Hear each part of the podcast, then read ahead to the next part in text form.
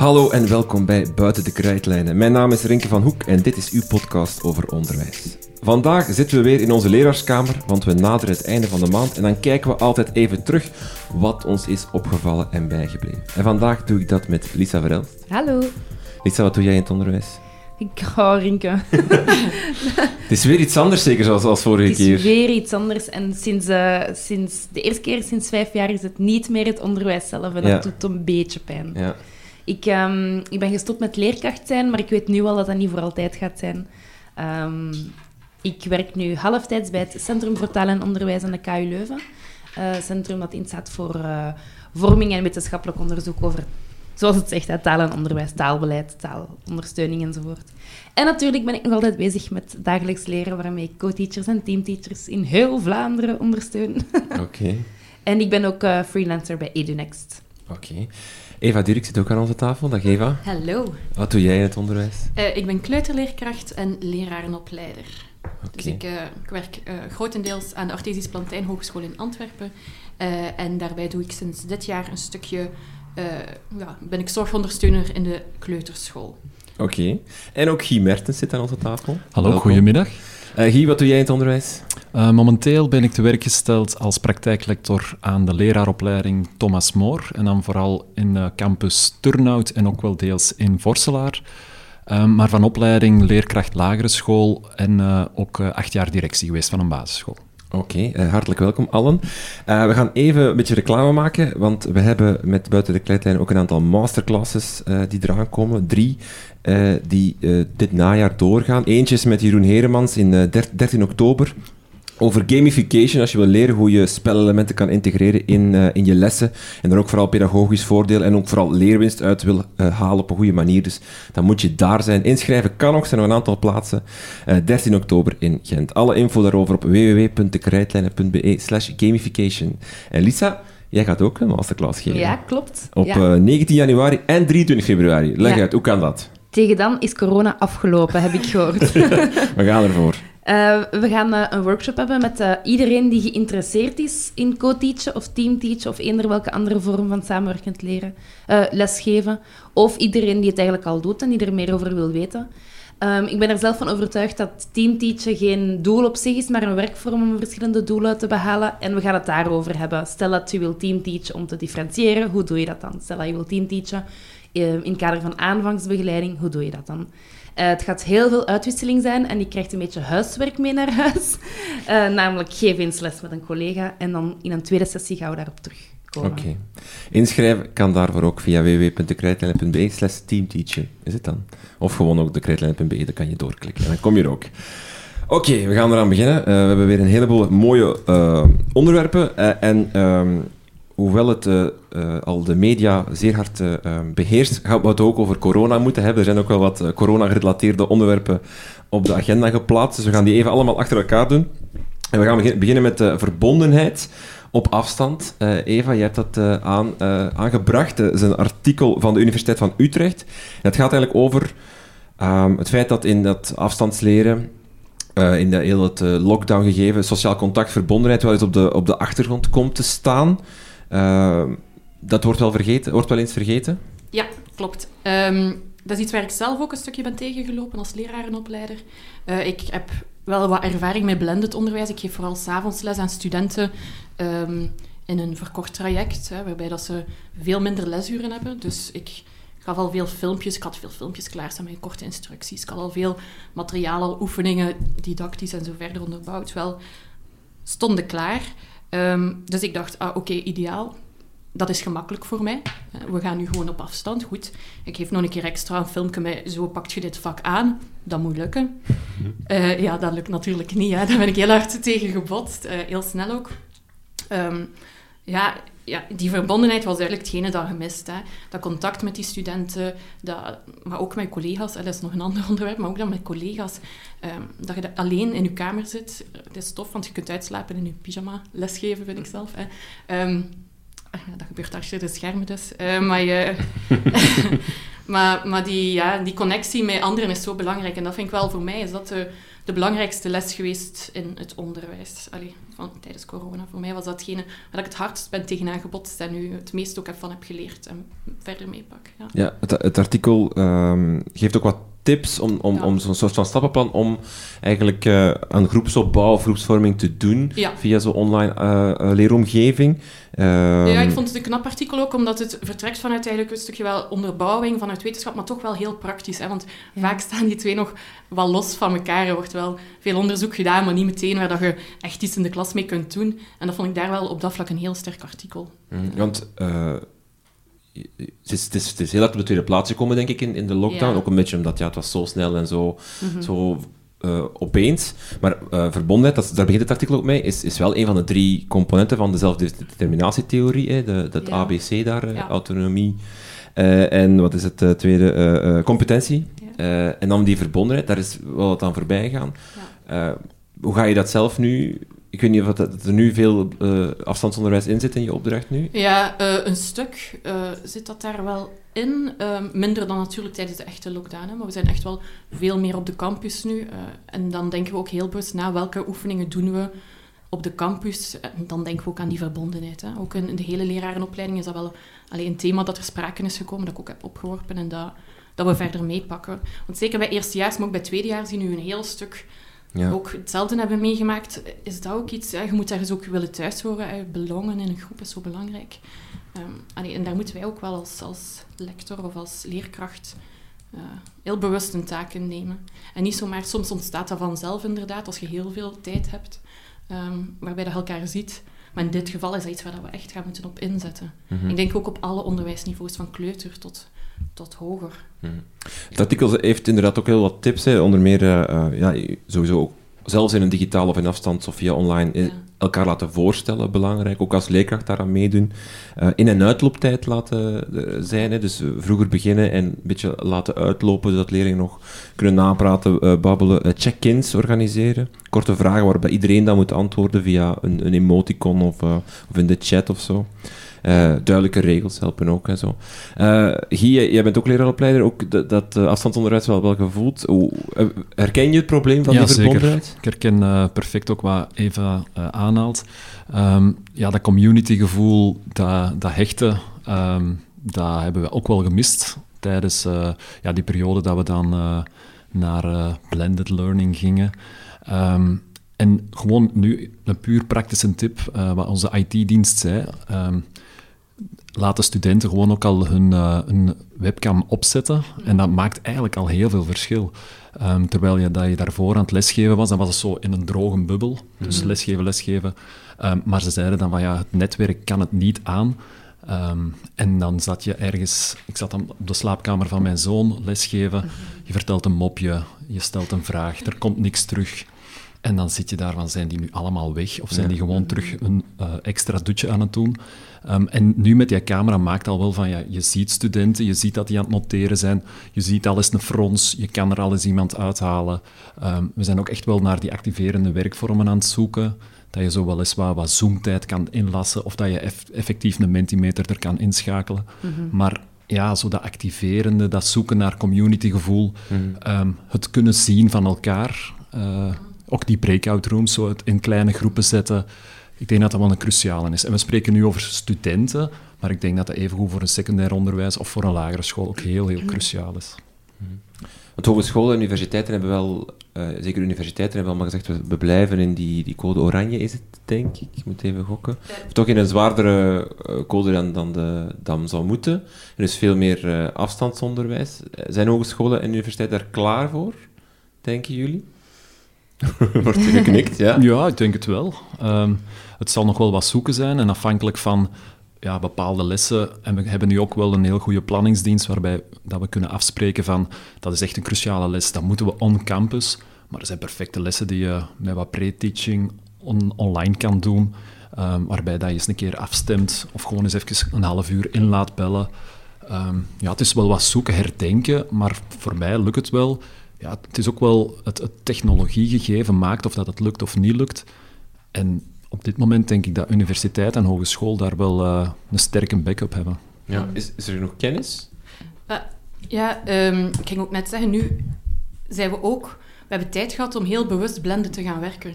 Om eigenlijk al onze opleidingsonderdelen goed te gaan overdenken. Wat gaan we inderdaad op de campus doen? Wat gaan we thuis doen? Wat kunnen we perfect via de computer doen? En dat is het verschil met maart, april, Ja. waarbij dat we zo snel Ja. moesten schakelen dat dat, dat dat bijna niet kon en dat dat niet ging. Hè. Terwijl nu inderdaad, we hebben kunnen opzoeken hoe dat we aan die verbondenheid werken. We hebben een, een netwerk rondom ons dat ons kan helpen. Ik denk dat dat wel helpt. Is er kennis? Genoeg. Dat zal van leerkracht tot leerkracht een beetje afhangen. Maar er is wel veel ondersteuning, vind ik ook, vanuit, vanuit de centrale Hm. diensten. Ja. Er wordt daar wel op ingezet. Ja.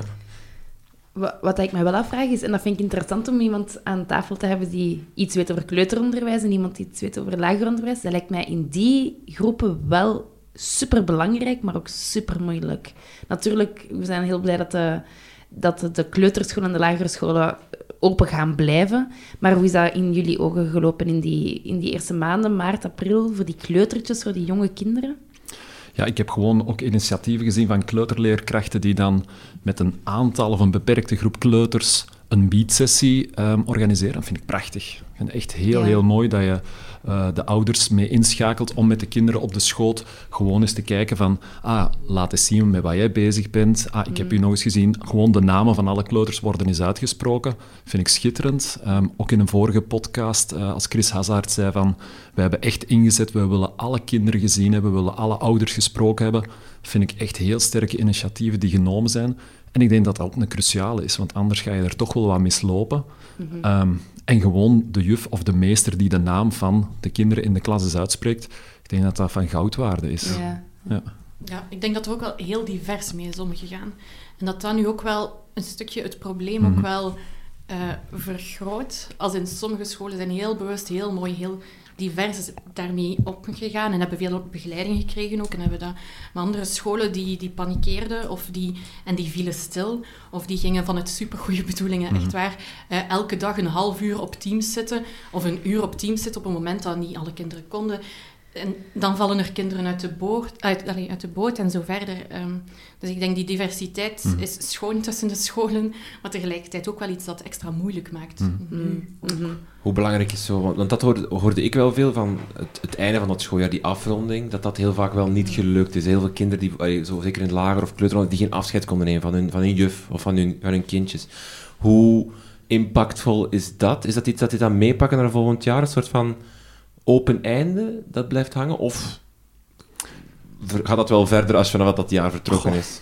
Ik denk persoonlijk dat dat wel verder gaat. Ehm, dat er wel wat kansen eh, weggevallen zijn of mooie, mooie anekdotes of mooie eh, momenten. Bijvoorbeeld, mijn zoon is afgestudeerd, zesde leerjaar. De school heeft prachtige initiatieven genomen. Ehm, het is niet hetzelfde als voorheen. Maar aan de andere kant denk ik van ja, die heeft wel nog met de klas kunnen afsluiten. Dat is niet het grootste moment geweest met een podium en een toonmoment. Maar denk ik dat hij dat achteraf als, een, als iets traumatisch, dat denk ik echt niet. Maar het is weer inderdaad, ja, alle scholen hebben wel hun warm water moeten uitvinden in die tijd. Ja, tussen maart en juni is er echt enorm snel moeten schakelen. Ehm, en ik denk dat we nu de schade wat moeten vaststellen van wat heeft die diversiteit teweeggebracht, Ehm, waar zit er wel leerachterstand? Ja, zijn we kinderen aan het missen? Want nu in klassen stond er ook eh, het grote artikel van Ja. het heeft effectief wel wat schade toegebracht. Dat kan niet anders, dat weten we. nee, ja. Ehm, en dat wordt nu denk ik zo wel van, ja, waar staat ons onderwijs? Eh, welke kinderen zijn we op dit moment aan het missen? Welke ouders zijn we aan het kwijtspelen? Ehm, en met alle begrip, ehm, daar wil ik echt ook wel met heel veel respect naar, naar mensen die initiatieven pakken. ehm, om te kijken van ja, welke achterstanden zijn er, hoe kunnen we ze terug aanpakken, hoe kunnen we ze terug betrekken bij het schoolgebeuren. Dat is prachtig, welk werk dat er geleverd wordt, maar dat zou ik ook wel, dat kan misschien bij een volgend item aan bod komen, maar wat dat er leeft en hoe dat, dat wordt aangepakt, want dat is wel een klein beetje het gevaar als je in de leraaropleiding zit, je mist wel wat feeling. Ehm, en dat zou ik eens heel graag willen horen, zo van, eh, ja, wat zijn initiatieven op de vloer? Hè? Veel diversiteit tussen, scholen, kleuterscholen, eh, lagere scholen, secundaire scholen. Nu, eh, hogescholen, zit, zit daar een soort van plan van aanpak tussen? eh, je- jij, jij zit op AP, jij zit op Thomas More. Mhm. Is daar een, een... Voel je dat die hogescholen daar wel in samenwerken, in, in zorgen dat er een soort van gestroomlijnd manier van werken is? Of zal ik ook, als ik naar verschillende hogescholen ga, een andere manier van werken vinden? Durf, ik durf niet de beide werkingen op elkaar afstemmen. Dat zou ik echt niet durven zeggen. Maar jullie gaan, Thomas More gaat voor een, als ik het goed als ik het gelezen heb, een hybride, Ja. soort van hybride werking. hè? Mhm. Wel, wel nog klaslokaal, wel nog een aantal lessen, maar Ja. altijd wel met, met dan streaming en, en Mhm. dergelijke. Ehm, waarbij dat we dan zowel inzetten op on-campus, online campus, en dat dan eigenlijk eh, online. Ehm, waarbij dat we wel beide groepen aanspreken. Dus eh, daar wordt echt wel heel hard op ingezet. Er zijn ook nu heel veel hybride klaslokalen ehm, ja, per campus ingericht. Maar het, is, ja, het vraagt ook wel, hè. je hebt studenten voor u en je hebt studenten op het scherm. En die dan in de ac- interactie brengen met elkaar, dat vraagt zowel wat... Is het dan zoals een, een presentator van zo'n zo'n zo'n show die dan zegt, welkom allemaal, en ook aan de mensen thuis, Ja, da- welkom, Zo dank voor voel het ik mij soms, ja. Heb je al veel les gegeven? Eh, ik heb eh, deze week, ehm, en dat was eigenlijk niet de bedoeling, dus ik had echt een, een, een op-campus eh, les. Dus ik was echt voorzien van, oké, showmaster, maar enkel studenten in de klas. En dan waren er een aantal studenten die in quarantaine zaten en die vroegen van, ja, kunnen we de les mee volgen? Dus heel snel nog even het grote scherm opgezet en dan heb ik mij inderdaad wel wat showmaster gevoeld. Maar de appreciatie van de studenten van, oké, dat initiatief wordt genomen en ehm, er wordt ingezet om ons erbij te betrekken, dat wordt wel geapprecieerd, zeker en vast. Hoe loopt dat technisch? Eh, dat- Zeer ingewikkeld. Want dat is ook wel iets wat dat dan in sector- secundair nu zo'n beetje begint te... Hè, daar begin je nu ook de eh, quarantainegevallen te Ja, krijgen. En dan heb je de, de, de tweesplitsing, namelijk er zitten 15 leerlingen in quarantaine, 10 niet. Eh, hoe doe je dat? Moet je dan als leerkracht beide gaan doen? Je kan de lessen niet, niet twee keer geven, want dan heb je ook dubbel Mm. werk. Is het iets wat secundaire scholen zouden kunnen doen? Of is dat technisch te... Ja, ik denk dat we... We hebben nu die kaart getrokken, maar ik zou eigenlijk binnen een maand zo nog eens een evaluatie willen doen van... Ja, ehm, het is ook zo, ofwel geef je daar les aan, aan de studenten in je klaslokaal, ofwel zit je heel strak naar het scherm te kijken, maar dat verspringen van die groep, die groep, daar moeten we echt nog wel naar kijken. Ehm, in je PowerPoint moet je echt zelfs ehm, reminders steken van, ah ja, ik moet die groep er nog eens bij betrekken. Maar vanaf het moment als een student thuis het woord neemt en zijn microfoon staat op, dan hoort de klas het ook. De klas ehm, ja, kan ook een vraag stellen aan studenten thuis. Dus ja, op zich zitten er zeker wel, wel kansen in. Alleen het, het didactische, het, het begeleiden, daar, daar liggen de uitdagingen nog. Ja, Ja. dat geloof ik. Ja, wij zijn eh, ook bezig met streamen inderdaad, maar wij zetten minder in op dat hybride, toch Mhm. binnen de lerarenopleiding. Wij werken eerder met kleinere klaslokalen, waarbij dat we de studenten over twee of drie lokalen splitsen. Ehm, en waarbij dat we keuzes maken tussen wat dat je online kunt geven, geef je echt online, en hetgene dat je in de klas moet voorzitten. Dus dat zijn vaak groepswerken en zo verder en discussies. Dat doen we in de klas. Ook omdat inderdaad, allee, die keuze werd ons in het begin wel gegeven, hoe gaan we het aanpakken? En dan werd gezegd, dat vraagt zo'n andere didactiek en zoveel van de leerkracht die daarvan voor staat. Ja, hebben we tijd om ons daarin te vormen en om, allee, Is dat om dat die maar- ja, is dat haalbaar voor ons? En dan hebben wij de keuze gemaakt, ja, we gaan daar iets minder op inzetten. Die optie is er, wij kunnen streamen terwijl we lesgeven. Eh, ehm, maar tot nu toe gebeurt dat in iets beperktere mate. Nu, als we naar Code Oranje gaan gaan, Mhm. dan gaat dat misschien wel meer gaan spelen. Ehm, maar het was ook zo, het, is, het gaat in de praktijk ook zo zijn. Mijn eerste les, donderdagavond ook, waren er ook al vier studenten in quarantaine. Ehm, en ik heb dat gewoon eigenlijk, ik heb Teams aangezet en die studenten ingebeld in een vergadering. En dan tegen hen ook uitgelegd, ja, we gaan het zo proberen, lukt het niet, dan lukt het niet. En die studenten, gelijk dat je zegt, die waren heel Mm. dankbaar dat je je best doet. Ja. Ja, Mhm. maar dat vraagt veel, hè. Dat vraagt, eh, ja, ja. Over die studenten gesproken, ook zij hebben wel wat eh, eh, geleden onder die lockdown. Al even wat. eh, Eva, je ook een artikel van jou van eh, Sociaal.net, die, die een, een enquête hebben gedaan bij, bij 2337 studenten. Eh, daar komen wel wat, wat ja, toch stevige resultaten uit. Hè. Stuvo-diensten die ehm, overstelpt werden. eh 60% van de studenten die voelden dat ze meer verantwoordelijkheid moesten nemen. En, en daar, daar toch echt van, allee, dat dat moeilijk werd. Ehm, ja, de tal van, van, van cijfers Ja. die, die aantonen dat, dat het zowel financieel, studieresultaatgewijs, thuissituatiegewijs Ja. niet gemakkelijk was voor hen. Nee, dat geloof ik. En dat zag je ook wel heel snel, vond ik. We hebben daar dan ook allee, onze opleidingshoofd heeft dan, heel snel het initiatief genomen om uh, ook outreachend te werken, like kleuterscholen en lagere scholen vaak hebben gedaan, en, uh, en een bevraging rond te sturen en ook echt de telefoon te pakken en studenten op te bellen. Sava daar, heb je goed internet, was een van de vragen. Kunt je, heb je een plek voor jezelf waar je kunt studeren? Allee, hoe, hoe voelt u -hmm. en hoe is uw gezinssituatie? Dat soort vragen werden voorzichtig dan gesteld. Um, waarbij dat we wel heel snel... allee, een vinger aan de pols hadden van hoe, hoe dat met studenten ook gaat. Um, maar er is sowieso een stuk uitval geweest. Mm. Het, het, is ook ontzettend lastig, denk ik, om en werk, en, want veel van mijn studenten werken en werk, ja. en mm. studie en een gezin. Allee, ja, ik vond alleen werk en een gezin al kantje woordje.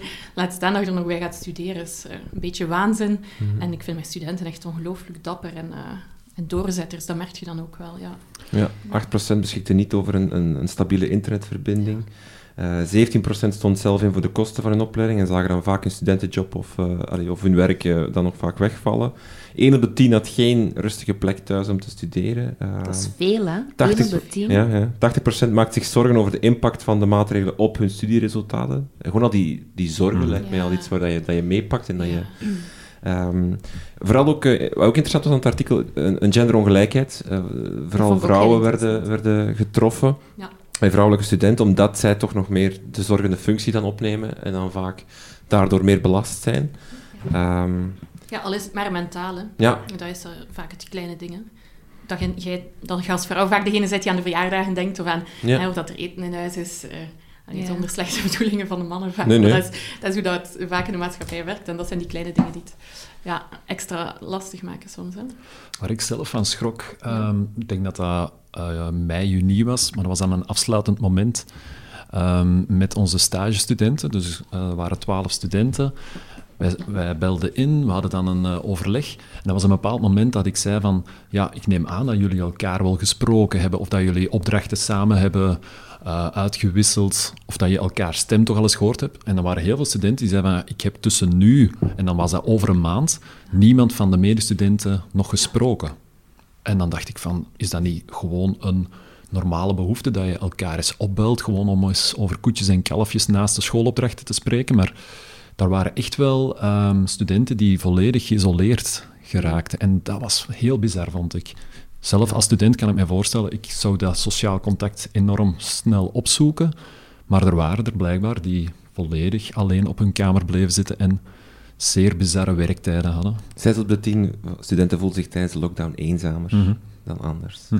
Ik vond de open brief die ook in, uh, gelinkt wordt in het artikel hm. ook echt heel sterk. Dat is een open brief van studenten die, ja die echt zeggen van uh, overheid, denk ook aan ons. Want er wordt heel vaak er wordt gedacht aan de economische partners en de bedrijven enzovoort. Maar de studenten zelf die zeggen van, bijvoorbeeld wat er daar, daar straks wordt gezegd, wat dat Eva zegt, dat zijn het studenten die de studentenjobs doen, die ze nodig hebben om te kunnen studeren, die ze niet meer kunnen doen door, door heel veel van die, van die plekken um, toegaan. En dan denkt de overheid wel aan hoe gaan we ervoor zorgen dat we de horeca ondersteunen, maar dan wordt er vergeten. En hoe gaan we dan de studenten ondersteunen die hun inkomen uit die horeca nodig hebben om te kunnen studeren?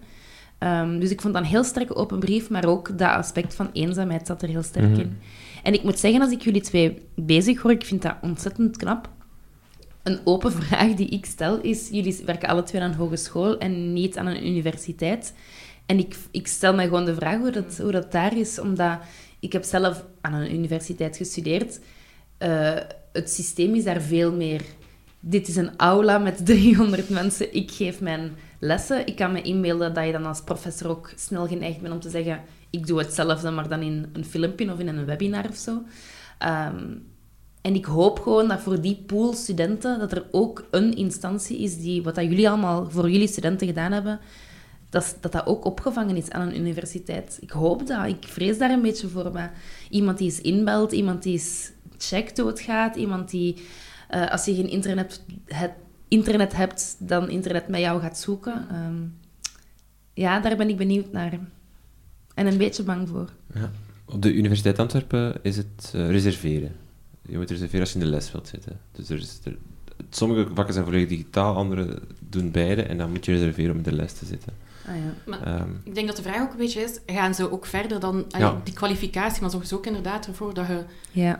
Dat je je medestudenten ziet en, en dat je niet eenzaam bent. Allee, zorgt er iemand, is er een zorgend ja. leerkracht of persoon ook op de Ja, vooral voor, voor eerstejaarsstudenten, denk ik, die nu gaan beginnen aan, aan, aan een, grote studie als, psychologie of rechten, of waar je dan sowieso al snel verdrinkt in de massa en dan Oh, nu... vreemd, ja.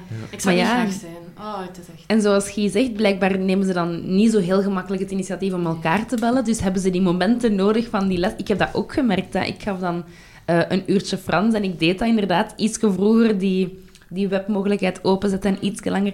En dan merk je dat die leerlingen hadden niet altijd door dat ik er ook was. En dan begonnen die zo onderling zo grapjes te maken. En toen dacht ik, ik prima, doe maar jongens. Als dit het moment is Ja. waar dat jullie dat kunnen doen, prima. Maar natuurlijk in een aula, een digitale aula van 200 studenten, is er weinig ruimte om eh, tegen elkaar te fluisteren, maar dat is wel een belangrijk element. Ja, maar dat vind ik ook tijdens vergaderingen. Dat heb ik gemist tijdens vergaderingen. Zou een keer een mopje vertellen dat alleen jij en die hoor. Allee, Ja. Het is niet dat ik dat constant doe, maar dat zijn inderdaad ook voor jezelf de dingen Ja. die het leven minder eenzaam of minder saai en hard maken. Dat vond ik tijdens de lockdown zelf ook. Goed, je belt wel met een ander en je, je hebt nog wel contact op andere manieren, maar het zijn die kleine dingen die eigenlijk niet mogen, maar die je toch doet, die het leven leuk maken, Ja. denk ik. Ja. Ja. Zo een keer met je ogen kunnen rollen. Ja, ja, je kunt het niet, hè. Niet. Er, Ja. was, er was ook positief nieuws in, in, eh, in, uit, de, uit de enquête, namelijk eh, de creativiteit die studenten aan de band legden om toch met de nieuwe omstandigheden om te gaan, was, was wel heel straf. En daarbij eh, de tijdswinst die geboekt werd door het wegvallen van de verplaatsingen, vonden veel studenten een, een, een positief ding. Ook de autonomie die ze Ja. dan kregen. Eh, en ook meer dan 50% van de studenten vond of vindt dat men in het hoger onderwijs ook na corona meer gebruik moet maken van de nieuwe technologieën. Ja. Als ik zelf even de link leg met de studie die ik doe aan de UA, heel veel werkstudenten, en eh, professor Jan van Hoof had eh, de resultaten gepubliceerd van de enquête die ze hadden gedaan over wat wil je graag in de les of eh, online. En dan zag je, alle werkstudenten hadden liever online en alle gewone studenten hadden liever in de les. Dus het, het, het, is, het blijft wel... Het, is voor velen ook wel, denk ik, een periode geweest die, die wel, wel, wel... Ah, zo kan het ook. Ja. En het lukt ook wel Ja. zo. Ah, Het is als je, als je, in, als je goed- de goede huizen bent en je hebt het materiaal en je hebt de mogelijkheden en je Ja. kan die structuur zelf brengen en je kan zelf die zelfstandigheid aan de band leggen, dan denk ik ook wel dat een, een, een, een goede, of een, allee, een, een, een sterke periode kan geweest zijn. Ja, ik denk dat sleutelwoord van die autonomie. Dat, Ja. als, als je als student het kan managen en je kan je eigen tijdplanning leggen en je eigen focus en je weet van oké, ik heb daar een deadline en daar een deadline, maar ik kan bijvoorbeeld wel tot half tien uitslapen. Toch zalig om Ja. dan te zeggen van ik werk s'nachts wel wat, wat, wat sneller door of, of wat harder door. Ehm, ik kan die les ofwel online volgen of ik kan de opname achteraf bekijken. Ik kan wat doorscrollen als het mij wat minder interesseert. Ik denk dat er heel veel, en dat was vorige keer bij de podcast ook wel, ehm, wat zijn de negatieve gevolgen, maar wat zijn de winsten? En ik denk dat er hopelijk wel wat winsten uitkomen. Want uit- die autonomie was bij ons in, in het eerste en tweede jaar uit de enquête bij leerkrachten ook heel hard opgevallen, hoe autonoom toch ook heel veel leerlingen kunnen zijn. Mhm. En toch kunnen tonen als het moet of zo. Ja. Daar verschoten we wel van.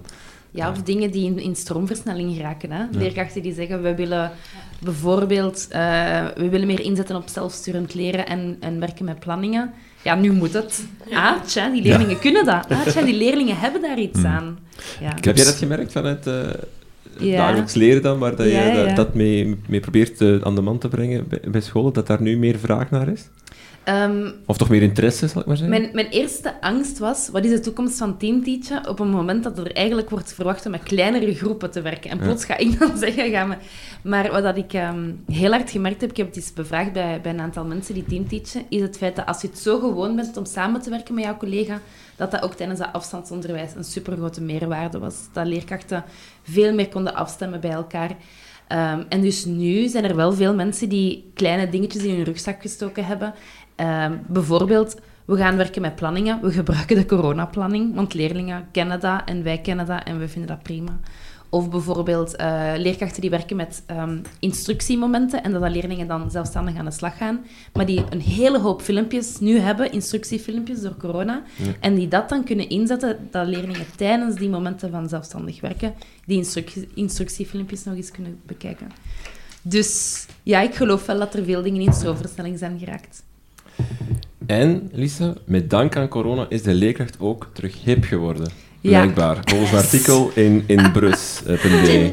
Ik heb hier op deze podcast al zo vaak gezaagd over lerarentekort.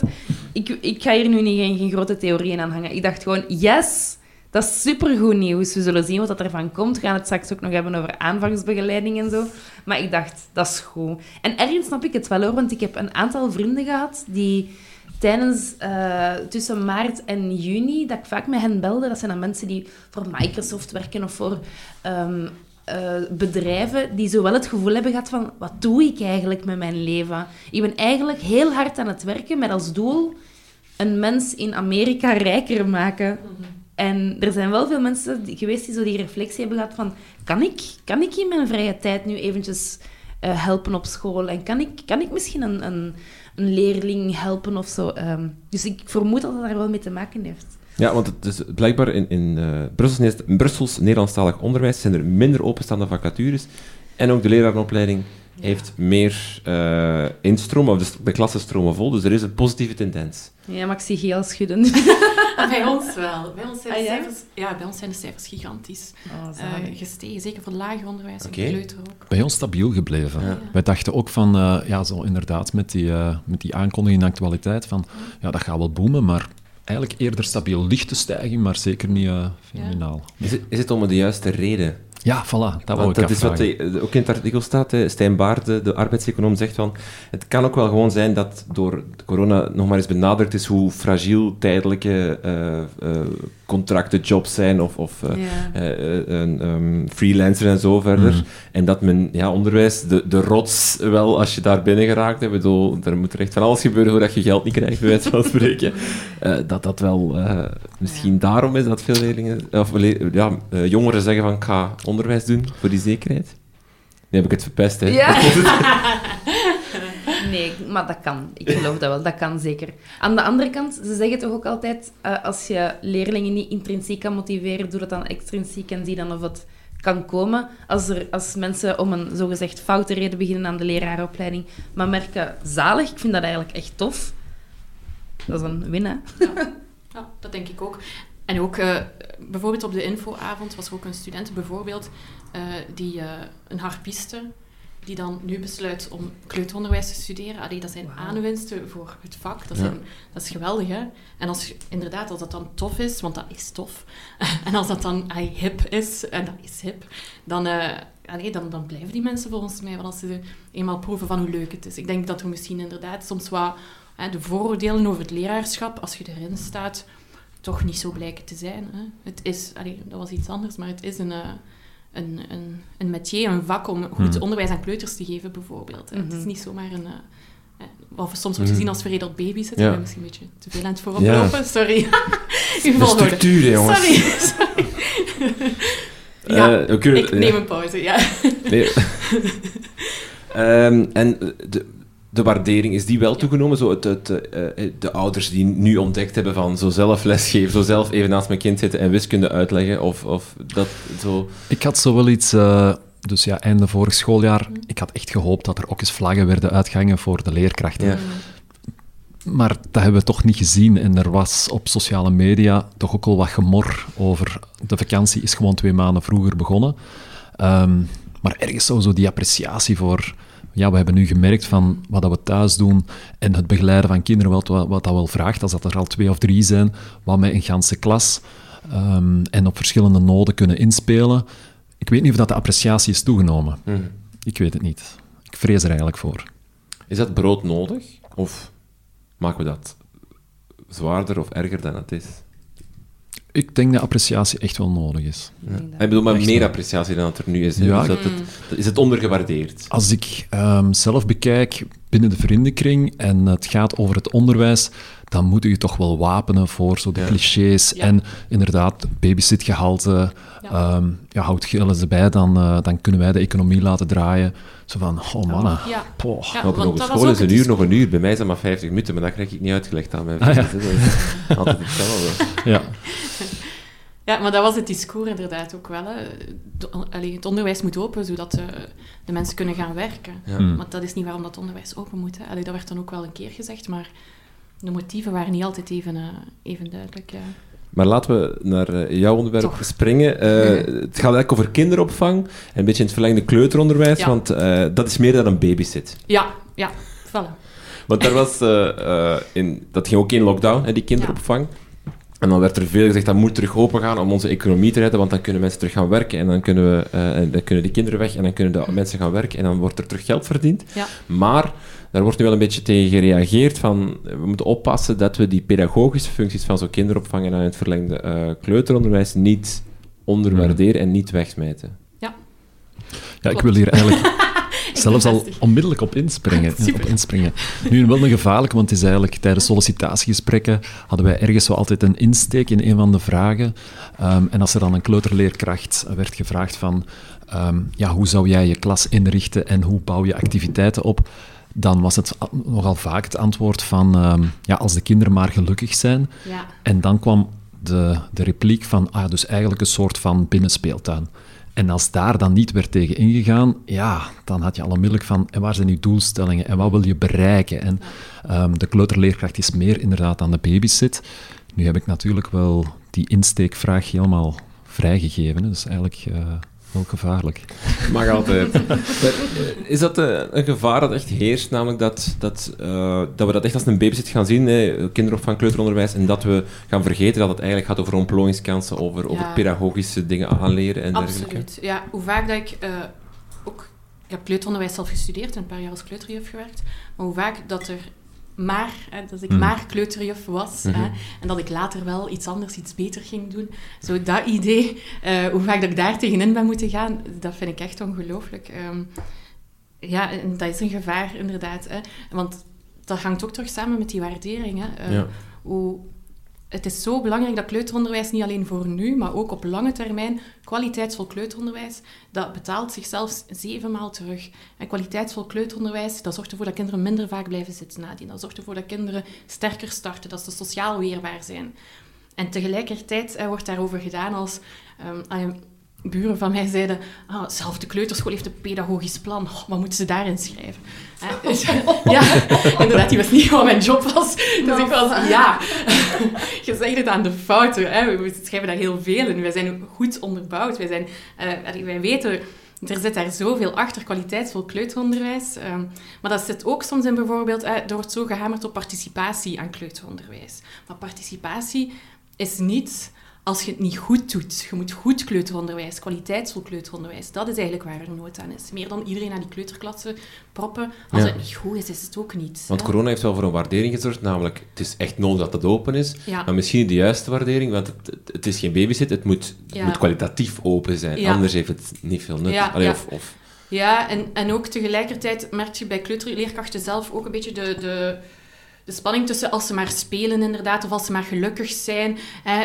Je voelt bij henzelf soms ook een beetje te veel de neiging naar, naar dat vrije, naar dat hè, laat ze maar bezig zijn. Ja, dan denk ik, nee, nee, wij doen meer dan ze vrij laten spelen. Wij denken goed na over hoe dat we die hoeken inrichten. Hè. Wij geven geen lesje natuur, maar wij zorgen voor hè, gedegen activiteiten waarin dat heel veel kansen zitten. Maar Ja. dat, is, ja, dat is iets wat, wat niet altijd wordt gezien. Eh, ja, en dat ik hoop hè, dat mensen die er nu inkomen, omdat het hip is, hopelijk, dat wel gaan zien en dat wel gaan voelen.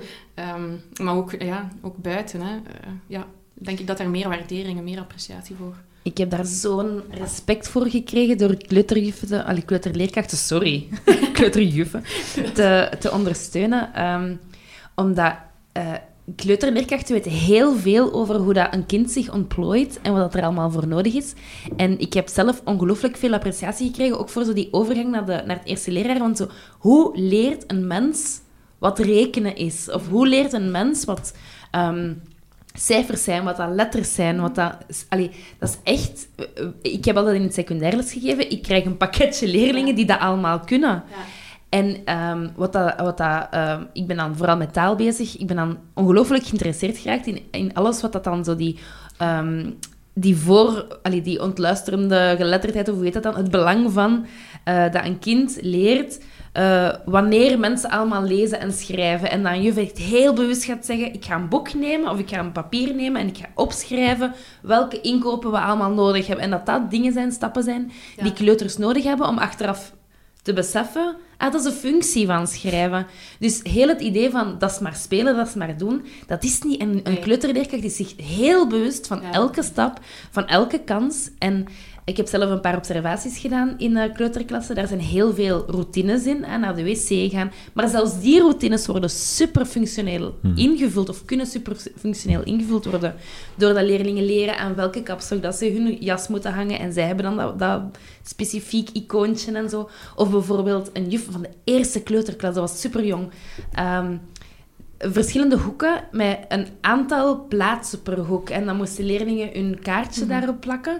En dus het kon zijn dat de hoek vol was. En dus dan moesten kleuters kiezen voor een andere hoek. En dan moesten ze ook in die hoek blijven voor een tijd. En dan was er ook een soort van klok dat duidelijk maakte wanneer het die tijd afrondde. En dan dacht ik, dat is echt... Ja. Dat is waar de vruchten dat wij van plukken als wij in het middelbaar lesgeven. Dat zijn die executieve functies die vanaf drie jaar op die manier al ontwikkeld worden. Ja. Dus. Maar dat is het ding natuurlijk met professionaliteit. Hè. Een goede kleuterjuf doet eruit zien alsof het allemaal gemakkelijk is. hè. Ja. En dat is natuurlijk als leerkracht secundair of hoger ook. Het ziet er allemaal gemakkelijk uit als je het hè, vanuit eh gedegen doet. Maar eigenlijk zit er heel veel inderdaad kennis onder, heel veel eh, ja, onderbouwing, heel veel ja, kunde. Ja. Ja, ja. Het artikel eh, pleit ook voor meer samenwerking tussen kinderopvang en kleuteronderwijs, Ja. want dat is eigenlijk...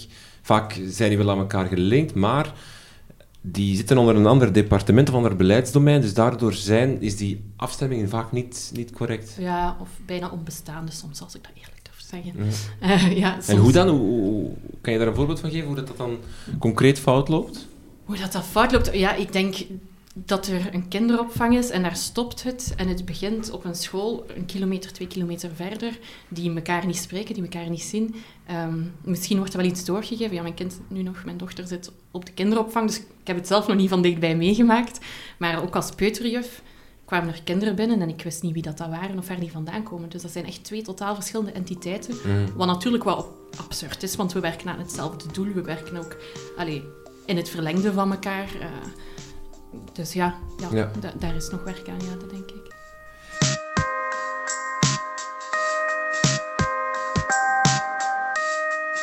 Deze aflevering is mede mogelijk gemaakt door schoolmakers en daarom bel ik even met de schoolmaker Lidwin Bulkens. Eh, Dag Lidwin, alles goed? Dag Rinke, alles goed met mij en met jou? Ook, ook, ook. Eh, we hebben het hier aan de tafel onder meer over digitale lessen. Eh, ook jullie met schoolmakers hebben een aanbod rond digitalisering. Inderdaad, wij hebben enerzijds een aanbod rond alles wat dat te maken heeft met leren en lesgeven op het niveau van het digitale. Denk daarbij aan digitaal evalueren of feedback geven, blended ontwerpen, digitale intervisies of digitaal vergaderen. Ehm, maar anderzijds focussen wij ook op het niveau van het beleid. Hè. Hoe kan je bijvoorbeeld een pedagogisch ICT-beleid maken of een eh, scan rond digitalisering om te zien waar sta je als school en wat is de eerstvolgende stap dat je kan zetten. Eh, als scholen geïnteresseerd zijn, als leerkrachten geïnteresseerd zijn, waar vinden ze alle info of hoe kunnen ze jullie eh, contacteren? Alle info vinden ze op www.schoolmakers.be en daar kan je verschillende mogelijkheden zien. We geven eenmalige vormingen rond digitalisering of alles wat dat te maken heeft met digitalisering. Maar we bieden ook trajecten aan. Trajecten die kunnen lopen over een jaar of twee jaar of over een maand of twee maanden. Dat is natuurlijk heel afhankelijk van de vraag. Oké, Lidwin, heel veel dank en dan gaan wij nu verder met de show.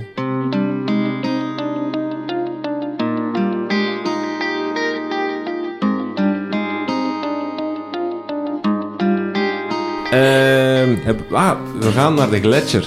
Naar de Ah, gletsjer. dit ga je wel moeten uitleggen. Mag ik reclame maken voor iets drinken? Voor de gletsjer? Nee, voor Eva. Oh, dat mag. Iets dat, maar het is echt goed. Het is iets dat een collega van mij aan CTO heeft ontwikkeld. De toolbox taalstimulering in de kinderopvang. Keigoed. Voilà. En Iedereen noteert, hè. Dat is echt met superconcrete voorbeelden en, en materialen en, en reflectiekaartjes. En het is voor de kinderopvang en daar bestaat nog niet zoveel voor. Nee, dus. super, ja. ja. Voilà. En voilà, dat kunnen we dan in de lerarenopleiding kleuteronderwijs al Ah, wel, voilà. We leggen de linken hier op dit moment. Het is ongelooflijk. Guy, corona is als een scheurende gletsjer doorheen de onderwijsvallei. Ja, als ik dat nu terug hoor, dan denk ik van, ja, in wat voor buis had ik toen? Maar... Er hoort ook een YouTube-filmpje bij waarin de gletsjer wordt uitgelegd wat het werkt en zo. Ja, we hebben aan onze studenten gevraagd en de academiejaar van vergelijk eens ehm, de periode corona met een beeld of uh, geef dat een bepaalde vorm. Ehm, en ja, ik heb bijvoorbeeld een student gehad die dat vergeleek met een judo-match. Ehm, of iemand had er een leiding gemaakt en dan verschillende grillige vormen. Maar ik had voor mezelf het beeld van de gletsjer, maar ik hoor daar juist stroomversnelling. Ehm, misschien is het dat wel. Gletsjer gaat net iets te traag om de coronaperiode uh, in beeld te brengen. Maar ik vind wel eigenlijk de, de massa die door een vallei scheurt en daar enorm grote rotsen brokstukken kan verschuiven, dat dat wel de winst, en voor mij is het effectief wel winst, ehm, dat dat de gletsjer wel veroorzaakt heeft. En met die brokstukken bedoel ik dan, um, ja, er is wel heel veel in beweging gezet op technologisch vlak. Ja. Want als directeur probeerde ik heel veel in te zetten op de digitalisering, um, de positieve kanten bekijken van uh, planmatig kunnen werken, uh, het, het, huiswerk digitaliseren, pre-teaching. En ineens, ja, en ik, ik, heb daar heel veel impulsen een uh, richting gegeven. En sommige collega's gaan mee, anderen die blijven er zo wel wat stiefmoedelijk vanaf. En ineens kon alles. En ofwel is dat van de moeders, het was een, een moedje, ofwel zagen we ineens de winsten. Ik weet niet van waar dat kwam, maar als we dan corona toch positief mogen bekijken, um, er zijn wel wat brokstukken verplaatst die onverplaatsbaar leken. Mm -hmm. Ja. En die digitalisering is daar één van? Is daar één van. En ik denk ook wel het, uh, het herbekijken van wat is mijn curriculum, hoe kan ik dat hier aanpakken? Um, en dan denk ik op de verschillende niveaus. Hoe dat wij nu uh, in de hogeschool aan het herdenken zijn. Ik, denk, of ik hoop dat dat op verschillende niveaus gebeurt. Want als we binnenkort terug naar een andere codering gaan, ja, dan hoop ik toch wel dat er ergens een plan B ligt om te kijken van oké, okay, ik zie mijn studenten niet meer, um, of in de lagere school, maar ik heb wel een sterk plan en digitalisering is daar één van. Hoe, want als een gletsjer passeert, dan is het voor, voor goed veranderd, zou ik maar zeggen. Um, hoe zorgen we ervoor dat dat in het onderwijs dan ook zo is? Want de, de kans is ook wel reëel dat vanaf dat, dat corona uh, ja. tijd is, over een jaar of als het vaccin er is en iedereen zit terug... In januari. iedereen zit terug in die, in die lessen, dat dan de, de digitalisering of, of de dingen die veranderd zijn toch ook weer gewoon snel weer vergeten zijn? Ik denk dat er toch iets in de vingers is gekropen. Um, dat mensen niet meer bang zijn van, ah, die webcam, um, oei, wat als... Ik denk dat dat, er, dat dat echt een brokstuk is die uh, verplaatst is. Een van de morenen. Ja. Um, dus ik geloof echt wel dat er, ja, dat er een skill is, vanuit een moedje is ontwikkeld. En uh, is dat op, op een goede manier gebeurd? Maar de enige dat ik daar zo mee heb, is dat het, het is een revolutie geweest is. Op een weekend is er een revolutie gebeurd. Uh, zijn de juiste beslissingen genomen? Zijn de juiste dingen veranderd? Moet, moet, moeten we niet... Kan, is er ook niet het gevaar dat we door corona dingen gedaan hebben die misschien eigenlijk helemaal niet zo heel goed zijn, die, die, waar toch vraagtekens bij gesteld kan worden, en die, die misschien wel goed aangevoeld hebben op dat moment, maar door de, door, en door de snelheid, door de evolutie, misschien wel wat vergeten worden? Mm. Ja, ik denk dat sowieso een proces van schakelen, herschakelen, um, dat er gewoon geen, geen uh, tijd was om alle voor- en nadelen af te wegen en dat je wel moest springen. En ik hoop wel dat er iemand nu een grote analyse aan het maken is. Laten we hopen dat iemand in een helikopter zit en kijkt van, oei, dat mogen we nooit meer doen. Um, maar ik denk wel dat er, dat er ja, enorm veel winsten geboekt zijn. En was het op de beste manier? We zijn wel wat gedwongen om bepaalde zaken in de vingers te krijgen. Maar misschien is dat de enigste manier. Want ze zeggen altijd, onderwijs is een log systeem. Ja, ik vind dat we wel uh, ja. heel veel flexibiliteit hebben gezien. Ja, ik denk ook dat we naar twee aparte periodes moeten kijken. Tussen maart en juni was crisisonderwijs. Mm. Dat was geen goed onderwijs bij velen, ja. ook bij mij niet altijd. Dat was, dat was crisisonderwijs. En ik denk als je dan gaat kijken was dat kwalitatief soms wel, soms niet. Dat was de, de bluts met een bel. Mm. Terwijl ik denk nu, hè, wat ik daarnet ook zei, ik denk we hebben nu wel iets van tijd gehad hè, om tegen september na te denken, hoe gaan we het nu te goed aanpakken? En wat hebben we geleerd uit die eerste periode van corona? Um, van die bluts met een buil, wat waren de builen? Uh, wat kunnen we nu eigenlijk beter aanpakken? Dus ik denk dat de dingen die we nu aan het uitvoeren zijn, die we nu aan het bedenken zijn, dat er wel heel kwalitatieve, vaak zaken in zitten die we nu ook planmatiger kunnen aanpakken en nu ook meer kunnen inderdaad gaan evalueren wat loopt goed en wat niet. Waardoor dat je wijze lessen kunt trekken. Ja, terwijl dat die eerste periode, dat was volgens mij inderdaad door de snelheid, door dat schakelen, door uh, ook je persoonlijke situatie. Dat, ja, ik denk dat er dan weinig echt goed onderwijs werd gegeven. Welke specifieke dingen hopen, dat jullie, hopen jullie dat er dat blijven, dat, dat veranderd zijn en voorgoed veranderd zijn? Um, ik denk persoonlijk zo de, de angst van de webcam en wat als. Want wij, ja, mijn zoon uh, zitten in, uh, of zaten tijdens corona in het zesde en het vierde. En bij de eerste lessen kregen wij effectief een briefje mee.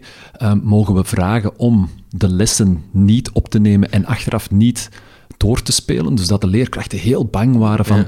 wie kijkt er mee tijdens um, onze lessen en wat als dat op sociale media terechtkomt en oei, ik heb mij versproken dat die angst er wel helemaal uit is. Mijn eerste digitale les of mijn eerste Skype-gesprek was ook. Uh, wacht, we zitten nu twee. was ook in januari. En de eerste keer is dat van: moet ik mijn webcam nu opzetten? En, en ligt mijn haar wel goed? En weet ik veel wat. Die angst is er weg. Ja. En um, dat durven spreken voor een groep achter laptops, die angst is weg. En dat denk ik bij heel veel leerkrachten van: hé, hey, dat is wel handig. En uh, um, natuurlijk, ja. We, de, het gevaar van we missen mogelijk kinderen, daar moeten we voor blijven waken. En dat durf ik nu wel eens vergeten.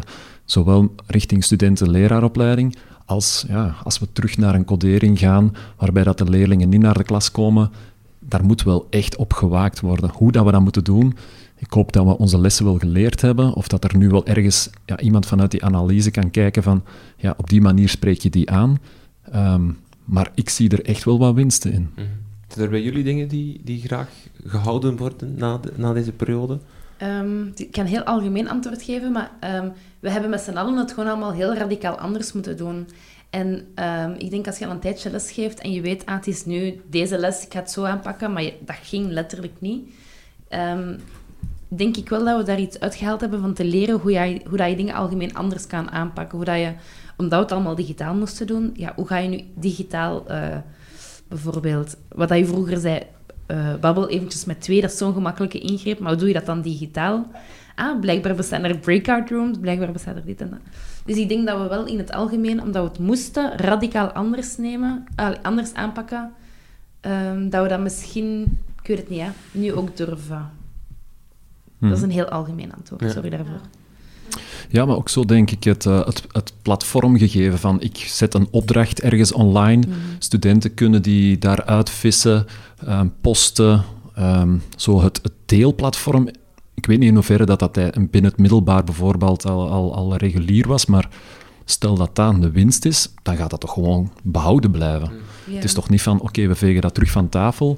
Um, ik zie dat gewoon in de maatschappij, want corona heeft ons doen herdenken, maar heel veel zaken zijn blijvers, hoop ik. Ja, ja en daar straks hadden we het over die waardering van de leerkrachten. Ik vrees dat... Um, de, de, mensen die dan op sociale media zeiden, leerkrachten hebben twee maanden extra verlof. Ik denk gewoon dat het verschil tussen leerkrachten pijnlijk duidelijk geworden is. En ik hoop dat daar ook iets mee, allee, mee gedaan wordt. nee, ja, ik denk dat gewoon in een normale situatie kan je als leerkracht heel gemakkelijk de deur dichttrekken en, en je ding doen. Dat ging nu echt niet. Dat klopt, volledig, ja. Um, dat heb ik ook gemerkt in vriendenkringen, waarbij dat kinderen naar verschillende scholen gaan. Ja, de vergelijking is enorm. Hè? Mm. Onze leerkracht spreekt dagelijks. Onze leerkracht heeft de kinderen nog niet aangesproken. Mm. Dus het verschil was wel heel frappant duidelijk. Ja. Um, het inderdaad kunnen wegsteken achter mijn klasdeur. Nee, je zat bij iedereen in de living. Hè? Mm -hmm. Dus inderdaad, klopt. ja. Uh, volgens mijn papier hebben alle corona-nieuws gerelateerde yes. dingen gehad. Oeh, het is gedaan met corona. Ja. Dan gaan we nu door naar Henk Rijkaard. Ah ja. Ja. ja. Uh, die stond in klasse, een, mm -hmm. een klasse-editie geleden. Ja, um, misschien al een, ja, twee of drie edities ja. geleden, ja. En met als titel, uh, stop met stappenplannen, kies voor klooien in de klas. Ja. Moeten we meer gaan klooien in de klas, Guy? Ja, eigenlijk heb ik dat uh, artikel gekozen omdat wij uh, met Thomas Moor ook inzetten op uh, stemeducatie um, via Wie Weet boxen. Dus Wie Weet er, um, daar stappen we mee naar lagere school, waarmee dat we zo impulsen willen geven richting de wetenschappen. Um, maar vaak blijft dat nog te sterk gericht op een soort van circusact, waarbij dat je stap 1, stap 2, stap 3 laat doorlopen en de kinderen gaan met een afgewerkt product naar huis. Mm. Um, en dan dat artikel gelezen was zo van, ja, misschien moeten we daar meer op durven inzetten en gewoon materiaal aanbieden, een probleem uh, voorschotelen, hypotheses laten formuleren en misschien niet met een afgewerkt product naar huis gaan, maar wel met heel veel krakende denkactiviteit. En ik wou het dus op tafel gooien, naast de mhm. koekjes. voilà. Moet er meer geklooid worden in de klas? Moet er meer geprobeerd worden, gefaald worden, in plaats van dat we leerlingen zeggen stap 1, stap 2, stap 3, stap 4? Mhm. Enthousiast. Enthousiast. Nee, nee, nee, ik ben, goed, ik ben aan het inbeelden hoe dat in mijn vak zou zijn. Um, nee, ik denk, ik denk zeker, sowieso. Ik denk gewoon dat, dat we daar een... Uh, ja, dat, dat het evenwicht moet behouden worden tussen klooien en wel nog altijd doelmatig werken. Maar, ja, maar ik denk dat we... doelmatig klooien. ja, voilà. We moeten doelmatig klooien. ja, of afhankelijk van het doel. Hè. Um, stel dat wij een product moeten afleveren, oké, dan, dan gaan we een stappenplan aanbieden, maar misschien moeten leerkrachten het dan niet aanbieden en kan het vanuit de kinderen wel aangeboden worden. Weer al een mooi pleidooi voor kleuteronderwijs. Ik denk dat kleuterleerkrachten zeer sterk zijn in doelgericht klooien. Absoluut. Ja. Um, Love it, doelgericht klooien. Mhm. We zouden er een opleidingsonderdeel ja. maken. Ja. Ja, ja, ja, klopt. En, en dat verlengde ook hè, van, dat, van dat klooien, dat dat meer moet gebeuren in functie van stem. we zijn ook uh, op Artesisch Plantijn al bezig met een, een project rond gender en stem. En dat blijkt ook inderdaad dat dat ook voor meisjes belangrijk is om die motivatie in, in stem te krijgen. Is het feit dat ze kunnen proberen en ergens tegenaan botsen, ah, uh, dat dat ook hun helpt te motiveren. Ja. Meer dan, dan jongens? Of? Um, Even goed voor jongens. Ja, ja. Het moet aanwezig zijn. Het moet aanwezig want zijn. anders vinden ze het minder leuk. Ja, ja, als het gewoon een stappenplan afwerken is, ze kunnen dat goed, hè, doorgaans. Um, maar het motiveert, geeft goesting om eigenlijk zelf aan de slag te gaan. Ja, dat is een van die kleine onderdelen. Ik denk dat, uh, dat de durf enorm wordt. Uh, um, geprikkeld wanneer je zegt van je mag, je mag. Terwijl als er een stappenplan komt en stap 3, ik zie dat al aankomen van oei, dat is iets met een boormachine. Boah, ik steek mijn hand nu al maar op dat ik hulp kan inroepen bij stap 3. Terwijl als daar problemen op tafel liggen, maar daarnaast ligt ook wel een boormachine. En de cultuur is echt van ja mannen, doe maar. Hè. We zullen wel zien waar we uitkomen. Dat de durf enorm zal toenemen als je effectief dat boormachine mag vastnemen en je doet dus iets. En um, ja, want een van de activiteiten bijvoorbeeld binnen Wie Weet is een afgewerkte uh, blokfluit. Ja, dan moet je niet eerst met dat boormachine overal gaatjes in liggen boren, want dan gaat je tonen nooit niet uh, juist staan. Maar als het kan, dan denk ik dat, het, uh, dat de techniek veel toegankelijker gaat zijn. Mhm. Hoe komt het dat dan toch niet meer gebeurt? Want op zich klinkt dat eigenlijk heel logisch en heel leuk ook, hè, dat je gewoon inderdaad aan kinderen zegt van doe maar, ga het proberen. Is dat niet misschien een afwijking van leerkrachten om zo het, uh, het in de handen te kunnen houden? Controle. Uh, controle uh, want waar gaat het misschien naartoe? Wat als een kind ineens met eh, een idee komt, maar... Of hij overstijgt mij misschien, ja. ja. Ik weet niet, ik weet niet waar het... Ja, ik denk van het verlies aan controle. Want er, er is ook wel zo de, de, de, de wetenschaps communicatie daarover van ja, ontdekkend leren, pas daar toch mee op. Hè. Je moet het eigenlijk echt goed uitleggen. Die voorkennis, onderschat dat niet. Ga niet gewoon zeggen ontdek het zelf. Hè. Zo, het googelen, dat werkt mhm. niet. Dat, dat kan je... Is dat ook wat, misschien wat te veel zwart-wit ge, geprofileerd? Namelijk, je kan dat wel doen, maar je moet dan gewoon inderdaad zien dat die voorkennis wel klopt. Of een lichte sturing geven? Of Ik durf weer kijken naar, naar kleuterschool en dan echt denken van, het lijkt misschien wel dat het wat... Um, ja, dat het richtingloos is, mhm. maar die weten perfect met wat ze bezig zijn. Ja, um, ja doelgericht klooien, misschien hebben we hier gewoon een nieuwe term ontdekt. Maar dat is toch de kunst, om gewoon als, als begeleider durven zeggen van ik leg hier een probleem op tafel en daarnaast heel veel materiaal en we zullen wel zien waar we uitkomen, maar eigenlijk in uw achterhoofd al houden van ja. dat is het doel dat ik wil bereiken. En het is misschien niet het mooi afgewerkte blokfluitje, maar als ik ze heb laten kraken, daar lag mijn doel. En als dat bereikt is, perfect. Ik ben maar luid op het denken, maar ligt het dan ook niet... Ik zou denken dat het misschien ook een stukje ligt aan leerkrachten en zelfvertrouwen. En een, zeker een stem ja. is mhm. iets waar veel leerkrachten dat timmeren, dat zagen, dat, mm ik zie dat ook als ik daar les over kan dat niet. Ja, dat is, ja, dat is mhm. schrikbarend. Hè, of mhm. dat, is, dat ziet er iets uit dat je moet kunnen. En, en als je dat niet kunt... Hè, want daarnet zei je ook heel mooi, ja, inderdaad, het gaat ook om die cultuur maar om die cultuur te kunnen uh, bewerkstelligen in je klas, moet je daar zelf ook Mhm. deel van uitmaken. Van het gaat misschien niet lukken. Of het, eh, ik denk dat het ook een stukje daarin ligt. Mhm. in, in zelf niet vaardig genoeg zijn in stem. Of, Ja, en overal ook wel wat kansen zien. Want stel dat je in je klas merkt van... ehm, God, die deur die, die flappert de hele tijd. Hoe kunnen we dat hier nu oplossen? Dat je niet naar de technische dienst belt van... Kom mijn deur eens repareren. Maar dat je gerust dat op tafel durft gooien.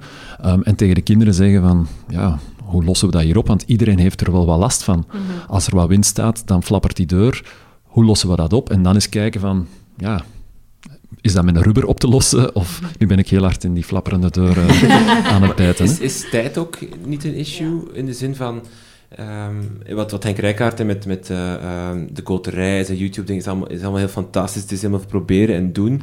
Maar een leerkracht die heeft, eh bijvoorbeeld als je naar techniek kijkt in het, in het eerste of tweede jaar, dat is één à twee uur per week. Die moet dan eh, zoveel onderwerpen doen. Er is niet veel tijd om te klooien. Mhm. Of, of is dat ook weer die controle-ingesteldheid? Of, of Ja, de, de... Ik denk dat de cultuur of het idee is dat er niet veel tijd is. Ja. Ik denk als je gaat kijken, gelijk een kleuterjuf, naar wat voor kansen dat erin zitten, dat je niet alleen met die stem bezig bent, maar maak dan je taaluren daar bijvoorbeeld ook voor vrij, en misschien je wiskundeuren ook, om te kijken naar dan de hoek en zo verder. Als je gaat kijken naar de kansen die erin zitten, dan is er Mhm. tijd voor. Maar inderdaad, ik denk dat er vaak wordt gedacht, ik heb twee uur techniek, krijg ik dat hier binnen? Ja, dat krijg je daar dan inderdaad niet binnen, dan krijg je een stappenplan naar Mhm. binnen. Ja. En dan wordt het heel snel een, een circusact, denk ik. Als je weet van, ah ja, half tien start de les techniek. Ja, nee, die is al begonnen om half negen. Alleen hebben we het gewoon niet gezien.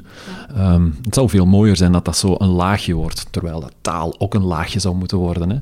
Ehm, maar dat hokjes, denk ik, ik denk dat daar al, een, al eh, het probleem al ligt. Ja. Maar ja, een leerkracht die op alle laagjes moet kunnen inzetten. ja. Ja, het zijn wel ubermensen natuurlijk. Hè. Of co-teachers. Of co- ja. Daar zijn we. Oké, ehm, Lisa, we gaan naar Schaarbeek. Ehm, een, een strafverhaal eh, dat je hebt meegebracht, eh, ook op uh, brust.be stond het, ehm, over een witte en een gekleurde school die naast elkaar liggen, die Ja. dezelfde ingang hebben. De leerlingen lopen door een gang en dan moeten ze links of rechts afslaan. En alle witte leerlingen slaan rechtsaf naar de Heilige Familieschool. En alle Marokkaanse, Turkse, Oost-Europese kinderen die slaan linksaf naar de... En nu mis ik de, de Champagnat-school. Ja. ja, mooie naam, hè? Ja. Ja. Ehm, een, een lang artikel, zeer, zeer, onderbouwd, met, met Ja. eh, ehm, strafverhaal vind ik vooral omdat het nog... eh, allee, dat het bestaat hier in, in, in, in Brussel, in Vlaanderen, in België. Mhm. Eh, Zo'n sterke eh, segregatie. Het is Eran Demirci die het een beetje aan de kat aan de bel heeft gebonden, de comedian, eh, met, een op, met een opiniestuk of een, een, een, een, op Facebook een, een opinie daarover. Wat denk jij erover? Goed, hè? nee, Oké, bedankt voor het luisteren. Maar Rink, we hebben elkaar eigenlijk niet meer gezien sinds, ehm, sinds in, wanneer was dat, maart, plots al onze ogen open gingen voor wat er ons al altijd gezegd werd, maar dat we er blijkbaar niet naar geluisterd hebben, is dat er veel racisme bestaat in, in onze maatschappij, maar ook in ons onderwijs. En ik moet toegeven dat ik merk... eh, ik heb zo precies wel gemerkt, ja, natuurlijk waren we bezig met corona, maar ik heb weinig reacties gezien van leerkrachten op sociale media die zeiden van, ah ja, tja, misschien moeten we daar toch iets aan doen. Of... En ik vind dit het voorbeeld, of een heel belangrijk voorbeeld, dat toont dat racisme wel echt bestaat eh, in ons onderwijs. En ik denk dat veel mensen automatisch gaan beginnen ik noem het excuses. Excuses verzinnen van nee, dat heeft niks met ras of met huidskleur te maken, dat heeft te maken met armoede, of dat heeft te maken met dit, of met dit inschrijvingssysteem, of met deze cultuur. Of... Maar de realiteit is dat er blijkbaar twee scholen bestaan in Schaarbeek, waar het, zoals je zegt, eh, afhangt van je huidskleur in welke school dat jij mag zitten. Want lees het artikel grondig. Het gaat echt over bepaalde ouders krijgen hun kinderen daar niet ingeschreven. Het lukt niet. Uh, andere, de andere school dan Champagnat uh, heeft bijna 100% uh, kindjes met een bruine of, of, zwarte huidskleur. En Vlaamse of Nederlandstalige of witte ouders schrijven hun kinderen daar gewoon amper in. Um, ik wil niet te veel viseren op die twee scholen, maar ik denk wel dat we even ook eerlijk moeten zijn en naar onszelf kijken. Er, bestaat, er bestaan zoveel scholen, zeker in steden. Ik heb zelf op een school gezeten in Leuven, dat een zeer witte school was, terwijl dat 700 meter verder een andere school was die veel minder wit was. En ik denk dat wij onszelf vaak fabeltjes wijsmaken van ja, maar dat komt omdat... ehm, weet ik veel, eh, in deze school... Het, heeft met armoede te maken, of het heeft met dit te maken, of met dat te maken. Of wij zijn een ASO-school, dat is een BSO-school. Je kan niet verwachten dat, er, dat de kleur... Maar ik vind, ik vind het toch belangrijk om dat aan te kaarten, want het is, het is geen gevolg van een toeval, het is een zeer bewuste keuze. Als jij een school bent in Schaarbeek en jouw publiek is zeer wit, dan is dat een bewuste keuze om bepaalde mensen buiten te houden en andere mensen wel toe te laten.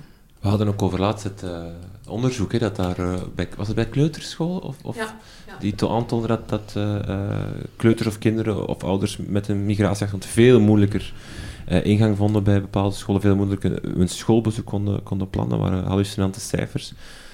Segregatie, it's a thing, eh, hier in Vlaanderen, België. Ja. Het, eh, Ja. Een van de pijnlijke dingen in het artikel is ook dat geen een van de directeurs ook een oplossing weet. Ook de, de, de, de, de directeur van het, eh, Champagnat, eh, van het Champa- Champagnat-schooltje weet ook niet hoe hij dat moet oplossen. Het, het, er is ook geen oplossing. Absurd. Er is wel een oplossing. Ja? Oké, we gaan het hier oplossen. Nee, nee, maar ik denk... Allee. Kijk, een van de eerste dingen dat er belangrijk zijn, die ingevoerd zijn, waar heel veel kritiek op kwam, maar is het online inschrijfsysteem. Ja. Ehm, ik snap echt heel goed, en we hebben het over vrijheid van onderwijs, ik snap het echt heel goed als, als ouder, dat het frustrerend is dat je kind niet zomaar kan inschrijven in de school dat je wilt. Ik snap dat 100%. Ik, ik woon zelf in Brussel. Mijn metekindje is nu voor de, naar de kleuterklas gegaan in Brussel. Ook niet in de school van, allee, van de eerste keuze van de ouders. Ik snap dat dat zeer frustrerend is. Maar het alternatief daarop is kamperen en is Segregatie. en is segregatie. Dus dat is al een eerste stap, dat is al goed. Maar, wat blijkt uit het artikel, er is eigenlijk geen of amper controle of dat scholen die inschrijfregels wel goed opvolgen.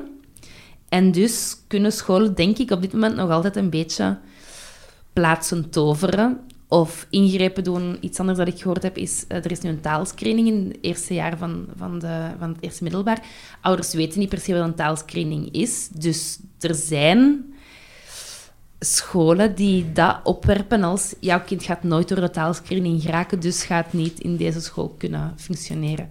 Ehm, en ik denk dat die praktijken geen uitzonderingen zijn. Mhm. Dus ik vind het een beetje... Ik wil niet per se over deze concrete scholen, hè, maar ik vind het een beetje eh, laf om te zeggen, ja, maar wij kunnen daar ook niks aan doen. Dan denk ik, kijk eens heel diep in jezelf en geef eens toe daar, ja, dat het misschien ook gewoon... Dat je daar misschien ongemakkelijk bij voelt. Het, ja. het hallucinante is ook in het artikel is dat de, de Heilige Familieschool te weinig plaats heeft, een, een veel kleinere speelplaats heeft, een veel drukkere naopvang heeft.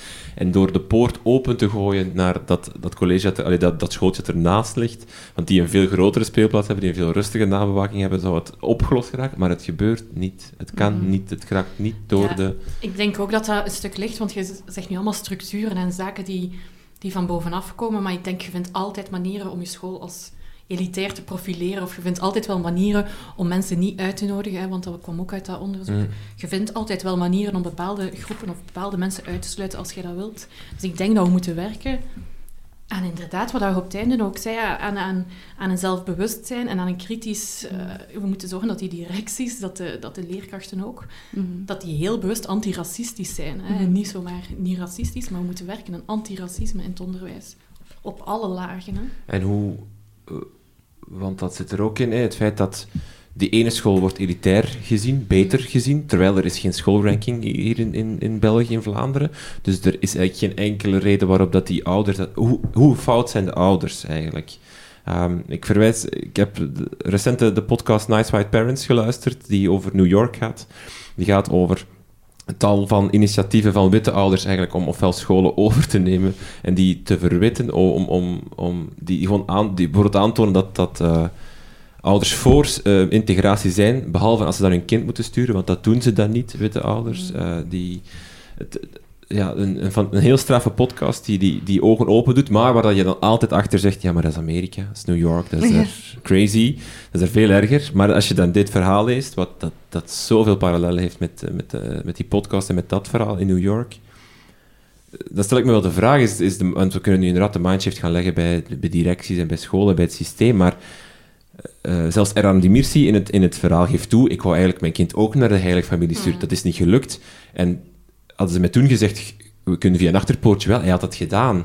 Mm. Ehm, ook al is hij nu heel tevreden van die andere school. Dus zit daar ook niet, moeten we niet naar onszelf dan kijken als uh, dat we daar mm. fout in zijn? Of dat daar toch een, een soort van fout idee over is, namelijk als mijn kind naar een multiculturele school gaat, allemaal tof en zo, maar hij gaat minder goed onderwijs krijgen. Ja. Ja, ik vind het uh, een heel moeilijk uh, debat, omdat ik ook wel denk van ja, um, wat weerhoudt directies om die school open te zwieren? Um, is dat dan toch de angst van um, dit gaat ja, ten koste aan uh, ons imago -hmm. of dit gaat ten koste van kwaliteit? Of waar ligt het dan? durven bewust inzetten op diversiteit? Ja, we kunnen het hier nu wel poneren als, ja, dat is toch logisch, of daar liggen zelfs doelstellingen onder die je anders niet zou kunnen behalen om over het muurtje te kijken van verschillende culturen. Ehm, maar er is dus blijkbaar wel iets wat directies of, of schoolvisies weerhoudt om daar bewust op in te zetten. Hmm. Ehm, maar ik moet wel eerlijk toegeven van, ja, dat is echt iets onbekend, omdat ik zelf uit een wit dorpje kom. Mm Ja, ja. En, en ik kom van Brussel, hè, dus mijn, mijn kader is Brussel. Ik snap het ook wel. In Brussel is er al zo'n kleine groep Nederlandstaligen. Je stuurt dus kind dan ook naar een Nederlandstalige school. Als je weet dat jouw kind het enige Nederlandstalige kindje van de klas gaat zijn, dat is ook niet zo gemakkelijk. Niet alleen omdat je dan misschien bang bent dat hij minder goed onderwijs gaat krijgen, omdat er veel aandacht gaat gaan naar de niet-Nederlandstalige kinderen. Maar dan, dan is dat letterlijk het enige kindje van de klas die bijvoorbeeld geen Frans of geen Arabisch of geen eh, dus ik snap het ook wel van, vanuit de ouders, van het standpunt van de ouders. Maar ik denk, Rinke, dat je wel gelijk hebt dat er een... een dat, dat mensen een verwachte uh, categorisering hebben van goede school, slechte school, die niet altijd gebaseerd is op feiten, die gebaseerd is op, op een reputatie van een school. En dan zou je kunnen zeggen, zouden we dan geen ranking moeten hebben? Maar ik denk dat het gevaar daarvan is dat je dan moet weten, wat, wat ga je ranken? Ja. Ga je gewoon op het, in het zesde leerjaar een, een toets laten afnemen en dan uh, de resultaten in een ranking zetten? Dan weten we nu al dat een school als Champagne heel veel meer moeilijkheden gaat hebben, omdat die heel hard moeten inzetten op... Er zitten heel veel andere talen in die klas, veel meer kansarmoede, veel meer drempels waar dat ze overheen moeten. Um, dus ik denk dat, dat, wat, dat wat er in kaart zou gebracht kunnen worden, is denk ik wel leerwinst. Hè? Als je ziet waar leerlingen starten en waar dat ze na zoveel jaar geëindigd zijn, dat maakt voor mij een, een goede school om elk, elk kind op zijn traject... Allez, laten we zeggen dat het een race is of zo. iedereen vertrekt op een andere plek. Iedereen gaat ook op een andere plek uitkomen. Niemand, die kinderen moeten niet allemaal op dezelfde plek uitkomen. Maar elk kind is, heeft wel dat traject gevoerd dat, dat voor hen nuttig is. Hmm, maar bon, ik ben zelf niet zo'n fan van rankings. Nee, dat gaat dit probleem ook niet oplossen, denk ik. Ik denk dat het ook het probleem is van de, de gegoede ouder die de mogelijkheden, kennis en dingen heeft om zijn kind ingeschreven te krijgen in de school die hij wilt. En de ouder die die kennis of inzicht of, of maatschappij inbreng of, of uh, uh, relatie daartoe niet heeft, dat niet lukt. En dat zo'n inschrijving, dat, een digitale inschrijving, en dan ja, de loterij, dus het is natuurlijk jammer, maar, maar dat wel oplost. Namelijk, je schrijft je kind in, je geeft een top 3 door en het lot zal wel beslissen. En in een ideale wereld zijn er genoeg plaatsen, zodat iedereen zijn, zijn keuze kan, kan nemen. Dat, want dat is natuurlijk het vind ik soms een foute conclusie die aan die digitaal inschrijvingssysteem gekoppeld wordt. Namelijk, het probleem is vaak niet de loterij, maar is het plaatstekort dat in vele steden nu gaat komen of is. En dat is wel jammer, want dat dat nu teruggedraaid is. En voor secundair onderwijs wordt, dat, wordt er geen centraal aanmeldsysteem uh, gemaakt, ook al doen veel steden het wel. Uh, en dat de dubbele contingentering is afgeschaft en zo. Dat is, dat is, wel jammer dat daar stappen in teruggezet worden, als je dit dan leest. Dit ja. Zeker omdat, omdat we ook niet mogen vergeten, het is, het is gepost door, een komiek, hè, door, door Ern. En hij zegt, zijn kinderen zijn er niet in geraakt. Ondanks het feit dat zij ook Nederlands spreken en zo. Dus, dus naam en vermoeden van afkomst en huidskleur hebben ermee te maken. We mogen dat echt niet, we mogen dat echt niet onder tapijt smijten. En dan als blijkt dat, hij, dat zijn kindjes dan toch goed Nederlands spreken op de speelplaats, dan plots is er wel plaats. Ja. Een, ja, een issue waar we niet mee klaar zijn, denk ik. Maar wel al af en toe eens terug onder de aandacht moeten Mm. brengen en, en op moeten hameren. Sorry voor de... Nee. Ehm, een heel recente eh, tweet, of hoe noemt dat, eh, Twitter-thread van Anja Vink wil ik even eh, onder de aandacht brengen. In, Nederland is er de heisa rond Ik doe niet meer mee, de hashtag, over influencers en bekende Nederlanders die eh, opgeroepen hebben om niet meer mee te doen aan de coronamaatregelen. Daar is, die, daar is heel veel om te doen geweest de voorbije weken, of week. Maar eh, ze heeft daar nu een beetje een andere visie op gegeven. Namelijk, ze verschiet ervan de manier waarop deze groep wordt weggezet als dom. Je hebt heel veel artikels die dan zeggen de domme influencers. Waar je volgens haar naar moet kijken, is namelijk naar de 25% van de 25-jarigen in Nederland die niet in staat zijn om een tekst kritisch te lezen.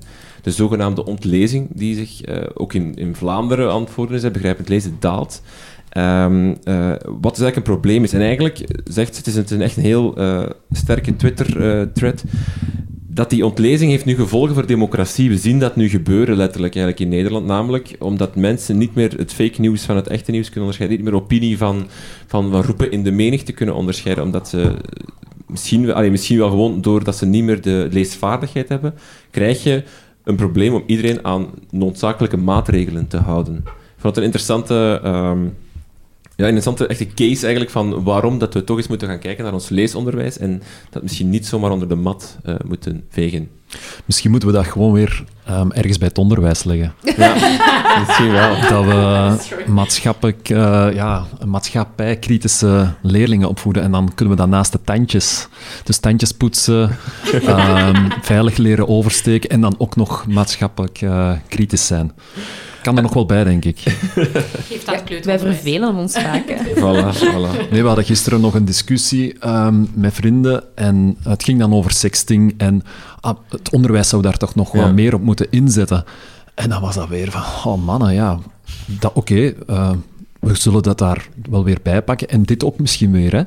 Ehm, moeten we ons kinderen of ons studenten, ons... eh, ja, moeten we ze teksten, eh, nieuwsfragmenten kritisch laten benaderen, ehm, daarbij stilstaan. Maar zit dat misschien ook niet ergens als taak bij de opvoeding om gewoon te kijken van eh, hoe komt nieuws binnen, hoe wordt eh, perceptie van kranten, perceptie van artikels. Het is maar gewoon, ja, ik werd er gisteren eigenlijk een beetje boos van dat, ik- ik dat alles het in het onderwijs een Ja, bak wordt. zeker, eh, maar goed leesonderwijs is denk ik wel een cruciale voor het onderwijs, toch? Dat we dat... Ja, en ik denk ook, je noemt nu allemaal heel kleine dingen op, gelijk sexting en, en inderdaad een kritische dingen. Maar het gaat uiteindelijk om een groter iets waar volgens mij het onderwijs wel een rol in heeft. En dat is studenten of leerlingen op, allee, laten opgroeien tot inderdaad maatschappijkritische mensen die, die, eh, ja. die, die ergens tegenover kunnen staan en daar kritisch over kunnen nadenken. Dat gaat dan over sexting nu, omdat dat iets is, Hmm. inderdaad. Maar allee, ja, dat gaat dan over, over vaccinaties een volgende keer. Ehm, ik denk niet dat dat allemaal aparte onderwerpen moeten zijn, maar wel, ja, wij dragen mee naast inderdaad eh, Nederlands en Frans ook aan, aan goede kritische democratische burgers, denk ik. Daar ligt wel een taak in, vrees ik. Ik heb het misschien wat eh, Nee, op flessen getrokken, Maar maar, ik ik wou snap het wel, ja. Het is, het is sowieso iets dat, dat, dat heel vaak terugkomt. Maar eens in de- debat gaan met, eh, als ouder met uw kind, Ja. Ja, ja, ja. ja. soms mis ik dat wel een beetje Ja. van, eh, daar ligt toch ook nog wel een taak. Ehm, en inderdaad, zo het, het kritisch doorlezen, het begrijpend lezen, want wat staat er nu eigenlijk? En mag ik mij daar vragen bij stellen? Daar ligt zeker ook een aspect bij onderwijs, maar toch ook gewoon aan de keukentafel. Ik heb daar wel vorig jaar... Sorry, Rinke. Nee, zeg maar. Ik heb daar een heel interessante les van ge- over gegeven. En dat, maar ik ga je dat doorsturen, dan kunnen we dat in de show notes Yes. zetten. Maar dat was, dat, was echt een les over fake news. Eh, ik denk door de VRT ontwikkeld, kan dat, zo'n Ja. een box. En ik vond dat zelf super leerrijk. En dat waren echt gewoon zoiets van vijf of zes handvatten waar, aan de hand waarvan dat je... boxen van de VRT, Ja. zeker. Ja. En dat was echt zo van, oké, ten eerste, dat zijn zo van die dingen die heel logisch lijken, hè, maar check de bron. Maar dan ga je echt met de leerlingen die bron checken. Wat is die bron? Ah, dat is een blog. Ah, dat is een blog, dus dat is wel nog iets anders dan een nieuwssite. Oké, check de auteur. Google die auteur gewoon eens. Ah, die heeft, die, dat, dat was een, eh, fake news artikel over dat de brand van de Notre-Dame een, eh, ja, Ja. een, ehm, eh, een terroristische aanslag was. En dan moesten ze doorklikken op die naam van die auteur. En dat is een auteur die al heel veel artikels heeft geschreven over, eh, heel islamofobe artikels en zo. Dus dat waren gewoon vijf heel concrete handvatten, waar ik volgens mij van denk dat 50% van de volwassenen ook iets aan zou hebben. Eh, en dat was, dat was een heel toffe les. Um, even een anekdote. Mijn zus en ik lachen er vaak mee. Um, mijn zus heeft een, een Facebook-vriendin van zo rond de 60, een mama van een vriendin of zo. Uh, en die post heel veel van die artikels waar dat je meteen van voelt... Oeh, ik denk niet dat dat klopt. Dat gaat over, uh, dat, over die hoe heet dat, die vliegtuig-trails. Uh, oh, nee. die witte, die ja, witte strepen in de lucht als een manier van de overheid om ons te controleren en zo ah. van die dingen. Ik dacht al, wat dient dat? Voor te controleren. Ja. En mijn zus zou dat tonen en ze deed haar Facebook-app open en ze ging naar die profiel en dat was allemaal zo... Uh, verborgen inhoud, want er, en Facebook zelf had daar dan opgeschreven, dit is fake news, deze informatie is gedeeltelijk onwaardig. En toen dacht ik inderdaad, dat is niet alleen een taak van de van het onderwijs om daarop in te spelen, maar er zijn ook wel andere structuren in de maatschappij, zoals Facebook gaat daar een verantwoordelijkheid in moeten nemen. Uh, om, om echt te zeggen, dit is, dit is gewoon niet waar, jongens en meisjes. Oké, okay, um, mijn onderwerpen zijn op, maar jij zei dat we het nog over aanvangsbegeleiding gingen hebben, maar ah. dat staat niet op mijn blad. Oei. Voor mij mag het, want ik uh, wil er ook nog wel iets over vertellen. Ja. Heb ik dat gemist? Ja, ik denk het. Oei. Ik heb het ook al gezien. Ja. Ah pijnlijk als moderator hier. En wie had het mee, het onderwerp? Ik en G, maar G mag beginnen. Oké, aanvangsbegeleiding. Ik ga in de dark nu, hè. ik weet niet wat er over gaat. Ja, uh, ja aanvangsbegeleiding. Maar het heeft wel te maken met een topic van daar straks, um, waarbij dat we de onderwijzers, de starters moeten gaan koesteren, omdat uh, ja, het mag geen wegwerpleerkracht worden. Ik denk dat we daar echt vanaf moeten. Um, en als directie gooien we ons starters te vaak nog voor de leeuwen.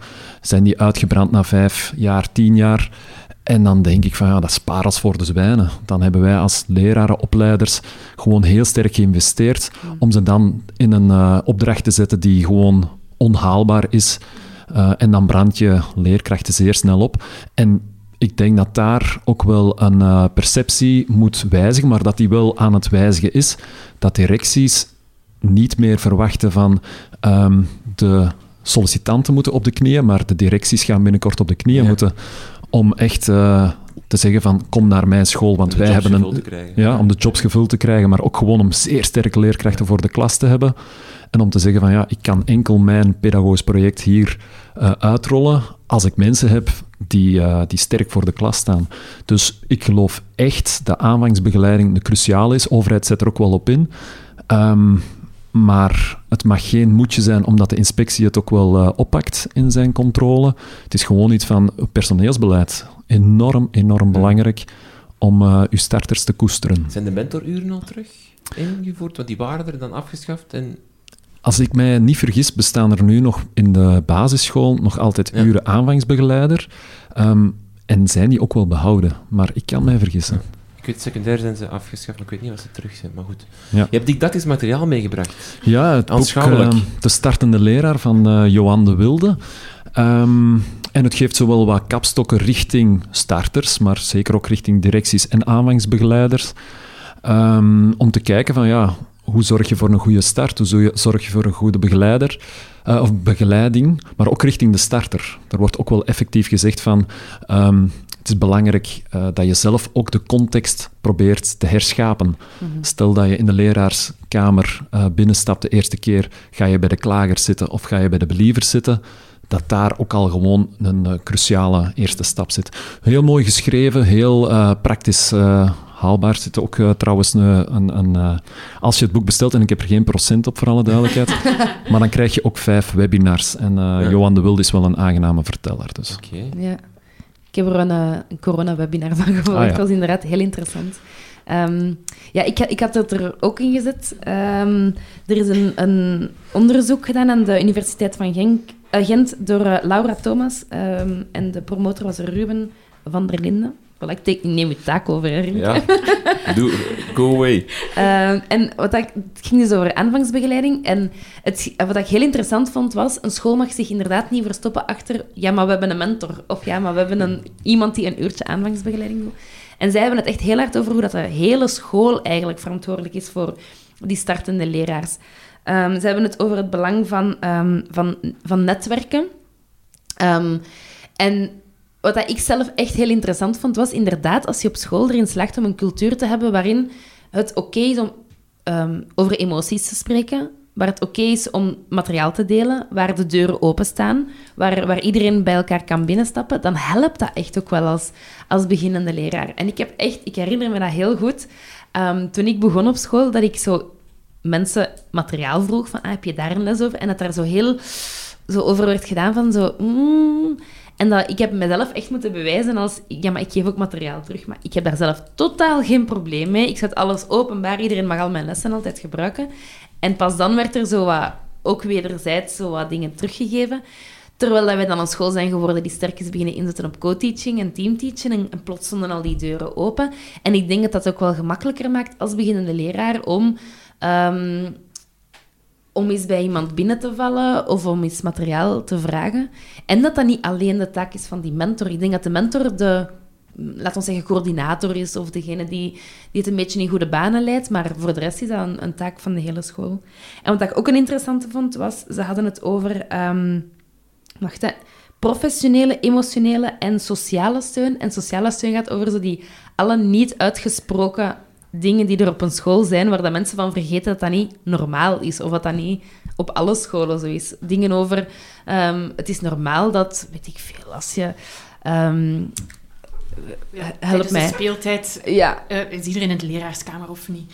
Ja. op mijn eerste school, waar ik ooit stond, in de kleuterschool, was dat blijkbaar een afspraak dat je dan in de leraarskamer verzamelt. Maar als je dat niet weet, dan zit je in je lokaal alles klaar te zetten. En dan bleek na twee weken, zeiden ze, waar blijft die nieuwe nu? We zien die nooit. ah ja, oké. Zo zit dat hier. Ja, inderdaad. Inderdaad. Of zo. Uh, ik was vorige week nog op een school en er was een leerkracht boos, omdat een nieuwe leerkracht had de leerlingen, omdat ze studie hadden, naar het studielokaal gestuurd Terwijl het de afspraak is dat de leerkracht die studie heeft, die leerlingen komt halen. Of, weet ik, ik weet het niet meer wat dat is. Maar dat zijn zo van die, allemaal van die sociale dingen, waar dat, als je lang op die school zit, dan weet je niet meer dat dat eigenlijk gewoon een, een zwijgende afspraak is. Dus daarvoor is dat wel handig om uh, iemand te hebben die u daar een beetje in ondersteunt. Een initiatief dat ik toch ook wel uh, in de kijker wil zetten, als er dan toch sluipreclame bij mag. Um, maar met Thomas Moor zetten wij um, nu in op een vorming Samen Sterk Starten. Ehm, waarbij dat we eigenlijk aanvangsbegeleiders uitnodigen uh, in de hogeschool om eigenlijk een, uh, een begeleidingsstijl aan te leren, een soort van coachingstijl. Of eigenlijk een, een stijl niet aan te leren, maar samen te zoeken naar wat mm. ligt u. Um, en uit te gaan van, van hun eigen kracht, maar ook van de kracht van de starter. Maar daarnaast ook een paralleltraject voor de starter zelf. Mm. Omdat we geen goochelshow willen doen van oké, de aanvangsbegeleider komt een sessie volgen, gaat dan naar de school en uh, dat is het. Nee, de, uh, de, starter komt ook effectief naar de hogeschool, uh, krijgen een soort van parallele taal, om dan in de school zelf aan de slag te gaan via coachingsgesprekken, via thema's. Um, en aansluitend nodigen we ook de directies uit. Dus dat de directies naar de hogeschool komen samen met starters, samen met aanvangsbegeleider, om dan een cultuur te kunnen herschapen. Om te zeggen van, er moet een nest gevormd worden. Ja. Um, en het mag niet blijven bij een enkele sessie of een enkele vorming, want dan gaat al die een inzet verloren. We hebben vorig jaar ook een uh, bevraging gedaan uh, bij directies, bij aanvangsbegeleiders, bij starters. Wat is het meeste nodig? Ja, en ik denk dat je wel, wel kan weten wat dat er zogezegd, of ja, wat dat er nodig lijkt voor starters, en dat is klasmanagement. Mm Komt altijd terug, maar dan kan je je starter sturen op een sessie klasmanagement. Um, stel dat je toch drie uur uh, vorming kan bieden, en dan moet hij het weten, ja, dat werkt niet. En daar geloven we echt niet in. Um, en dan ja, moet je durven zeggen van oké, okay, je schept een cultuur waarbij dat die zich dragen voelen, waarbij dat er inderdaad twijfels uitgesproken kunnen worden. Maar geloof ook niet dat een starter bij u in de school komt van nul. Die heeft wel drie jaar opleiding gehad. Die heeft zelf ook um, onderwijs genoten. Die heeft bagage bij, die heeft visie. Maar durf eens te peilen van wat zijn uw kwaliteiten, wat zijn uw talenten. Um, Geert Neefs, aanvangsbegeleider uh, in uh, Vlaams-Brabant, heeft eens gesproken van durf eens een raam openzetten. En als aanvangsbegeleider niet zeggen van een doorgeefluik van advies, maar gewoon zeggen van, laten we eens kijken, waar ligt uw talent, wat heb jij nodig en hoe kan ik u ondersteunen? Maar geen doorgeefluik zijn. Mm -hmm. Fijn, fijn dat aanvangsbegeleiding uh, opgewaardeerd wordt en meer aandacht naartoe ja, gaat. hopen we echt. Eh, een- een nieuw in de leraarskamer is een, een rondje nieuwe tools. Eh, ik vraag dan op Twitter wat er mensen... Nee, niet aan jullie. Ah, Op oké. Twitter vraag, vraag ik eh, wat er mensen nieuwe tools gebruikt hebben voorbije maand. Eh, er zijn een aantal binnengekomen. Bert van Vrekkem die gebruikt OBS Studio. Is eigenlijk wat gamers gebruiken om op YouTube of op Twitch eh, te, streamen. Dan zetten ze, als ze gamen, zetten ze dan op YouTube of, eh, Twit, of Twitch is dat. Eh, maar je kan het ook gebruiken om instructiefilmpjes en online lessen te maken, want je kan dan eigenlijk heel veel dingen combineren. Je kan dan en je webcam en een PowerPoint daarin zetten en afbeelding en zo. Het is, ehm, ik heb het zelf al een paar keer gebruikt. Het is niet zo heel simpel, maar als je een beetje verdiept, is het wel een handige tool om wat meer te doen met je, met je videoles, eh, OBS. Eh Karen van de Kruis die meldt dat Classroom Screen vernieuwd is. Dat is zo een website waar je dan een soort van bureaublad op krijgt, waar je dan tal van ja, heel simpele tools, een timer, een, een stopwatch, eh, eh, een schrijfblok, een tekenblok en zo, allemaal kan, heel snel kan oproepen. Dat is vernieuwd en je kan nu, als je betaalt, ook eh, dat opslaan. Dus dan kan je bijvoorbeeld thuis al maken en dan gewoon direct oproepen. Dat was een beetje een pijnpunt op de vorige editie. Eh, Tamara Stojakovic die heeft eh, iets interessants, want blijkbaar als je ehm, in Google Teams eh, jezelf filmt, dan word je gespiegeld. En dat is ambetant als je op bord schrijft. Want dan ziet de persoon zit dan niet. En via de extensie Mirror Video, als ik juist ben, of Video Mirror, kan, je die, kan je dat oplossen. Dan wordt dat teruggespiegeld. Dus dan los je dat mee op. Het archief van het onderwijs is vernieuwd. Mhm. Dat is ook leuk. Eh, dat wordt nu sneller en gebruiksvriendelijker. En eindelijk, je kan je leerlingen ook aan de slag laten gaan met filmpjes. Dat was ook een, een, een pijnpunt. Daar komt vroeger de leerkracht in. Nu kan je er ook, eh, in secundair kan je er ook nu ook leerlingen eh, op loslaten. En Stijn Koesement had ook een tip. Eigenlijk geen tool, maar schrijf, eh, praat niet terwijl je op het bord aan het schrijven bent. Mhm. Iemand die kan uitleggen waarom dat, dat niet mag? Dat, ligt in het verlengde van dat slow teaching. Ja. Je doet dat nu... Ah, je doet. Dat klinkt niet respectvol. Nee, nee, ik vind dat vreselijk gewoon... Ehm, maar ik schrijf eigenlijk weinig op het bord, dus ik kan er niet veel over Maar is, er zeggen. een, is, er, is het dan omdat je niet projecteert naar je leerlingen of zo? Of dat je misschien minder verstaanbaar bent, dat je... Ja. Of, of is het niet zo dat doel dat ze dan niet luisteren, is het niet Zou kunnen. ook dat? Ah, ja. Ik zou dat misschien denken. Ja, oké. Dat ze dan meer gefocust zijn op wat er gebeurt. Ja. Dit zijn ideeën. Wacht, het gaat over je mag niet spreken terwijl je schrijft. Wie kan dat? Niet praten terwijl ik op het bord schrijf. Ah, de de leerlingen mogen niet praten. Ah. Nee, jij. Ah ja, niemand. Kun jij schrijven en praten tegelijk? Ja, Ja. Maar als je hetzelfde zegt wat mannen, je hè? aan het schrijven bent. Ja, maar ja, het, het heeft wel aan elkaar. Ik ben niet eh, verhaal aan het vertellen, dan ben ik Ah ja, wiskunde ja. aan het op. Allee, ik geef ook geen wiskunde, dat zou heel raar zijn. Ehm, ik denk, ja. Stijn, als je het hoort, laat Help. ons weten, want we zijn echt geïntrigeerd waarom het niet kan. En we moeten ook het, het boek lezen. Het is inderdaad ook uit een boek van Slow Teaching eh, van eh, iemand op Twitter ook. Maar ik weet niet wie. Maar in de show notes vind je dat wel. Ik, we, vroegen- we vragen ook naar problemen van luisteraars. Of is er iemand die een tool wilt aanvullen? Ja? Er werd nog flipgrid gezegd door iemand, Ja, dat ik dat is vanmorgen gezien. En dat gebruik ik zelf ook, ook ehm, want helemaal in het begin over die verbondenheid en eh, studenten zich laten voorstellen, en dat gebruik ik daarvoor wel vaak. Zo in 30 seconden stel u zelf voor, Ja, heel toffe eh, tool. hè. waarbij Ja. je dan met elkaar kunt kijken, of uw taak voorstellen of zo. Allee, dat is iets dat ik zelf wel vaak eh, toepas. We, we vroegen ook naar problemen die onze luisteraars hebben. Eentje kwam daaruit en dat was gewoon het woord mondmaskers. Nu, ons dat wel bij de vraag, ik weet niet, zijn er hier die moeten lesgeven met mondmasker? Ja. En hoe, hoe voelt het? Ja, we hebben ook een lijn eh, in de Ah, sessielokalen. Dus eens achter de lijn, dan, eh, dan mag je het mondmasker wel afdoen. Maar het is, ja, het is gewoon niet fijn om, om te zien van... eh, je moet het met de ogen doen, hè. Ja, ik vind het bij de leerling eigenlijk, het, voor mezelf, ik vergeet het zelfs, ik heb een goed, als je een goed mondmasker hebt, dan is het ook redelijk aangenaam en dan, ben je het, dan valt het wel mee. Maar, Maar- ik vind het voor de leerling heel ambetant dat ik hen niet kan zien. Ik heb het gevoel, als je door dat mondmasker spreekt, dat je zo wat mompelend Ja. of toffer overkomt. En dan denk ik van, ja, ik wil toch wel die zuivere klanken doorsturen. Ehm, maar zo de... ehm, het begrip aflezen bij studenten, dat vind ik lastig als zij het mondmasker op hebben. Maar ik denk ook dat, dat, dat het voor studenten soms lastig is als wij met mondmasker, hè, dat als Nederlandse moedertaal is en zo, dan... ja. allee, niet per se dat dat samenhangt, maar wel als je Ja, taal zwakker is of als je minder goed hoort of zo. Ik denk wel dat we daarvoor moeten opletten. Dat dat niet voor alle studenten even vanzelfsprekend is. Hmm. Dat je nog extra gaat moeten met je handen duiden en zo. en zaken. Ja, ja, ja. Plus het wordt zo'n extra dingetje van klasmanagement, hè, dat je zo Ja. nog, nog iets extra moet doen, dat je zo... Doe een mondmasker aan. Ja. Doe je al de derde keer... Allee, Ja, ja, ja, ja. eh, ja. Iets extra erbij. ja.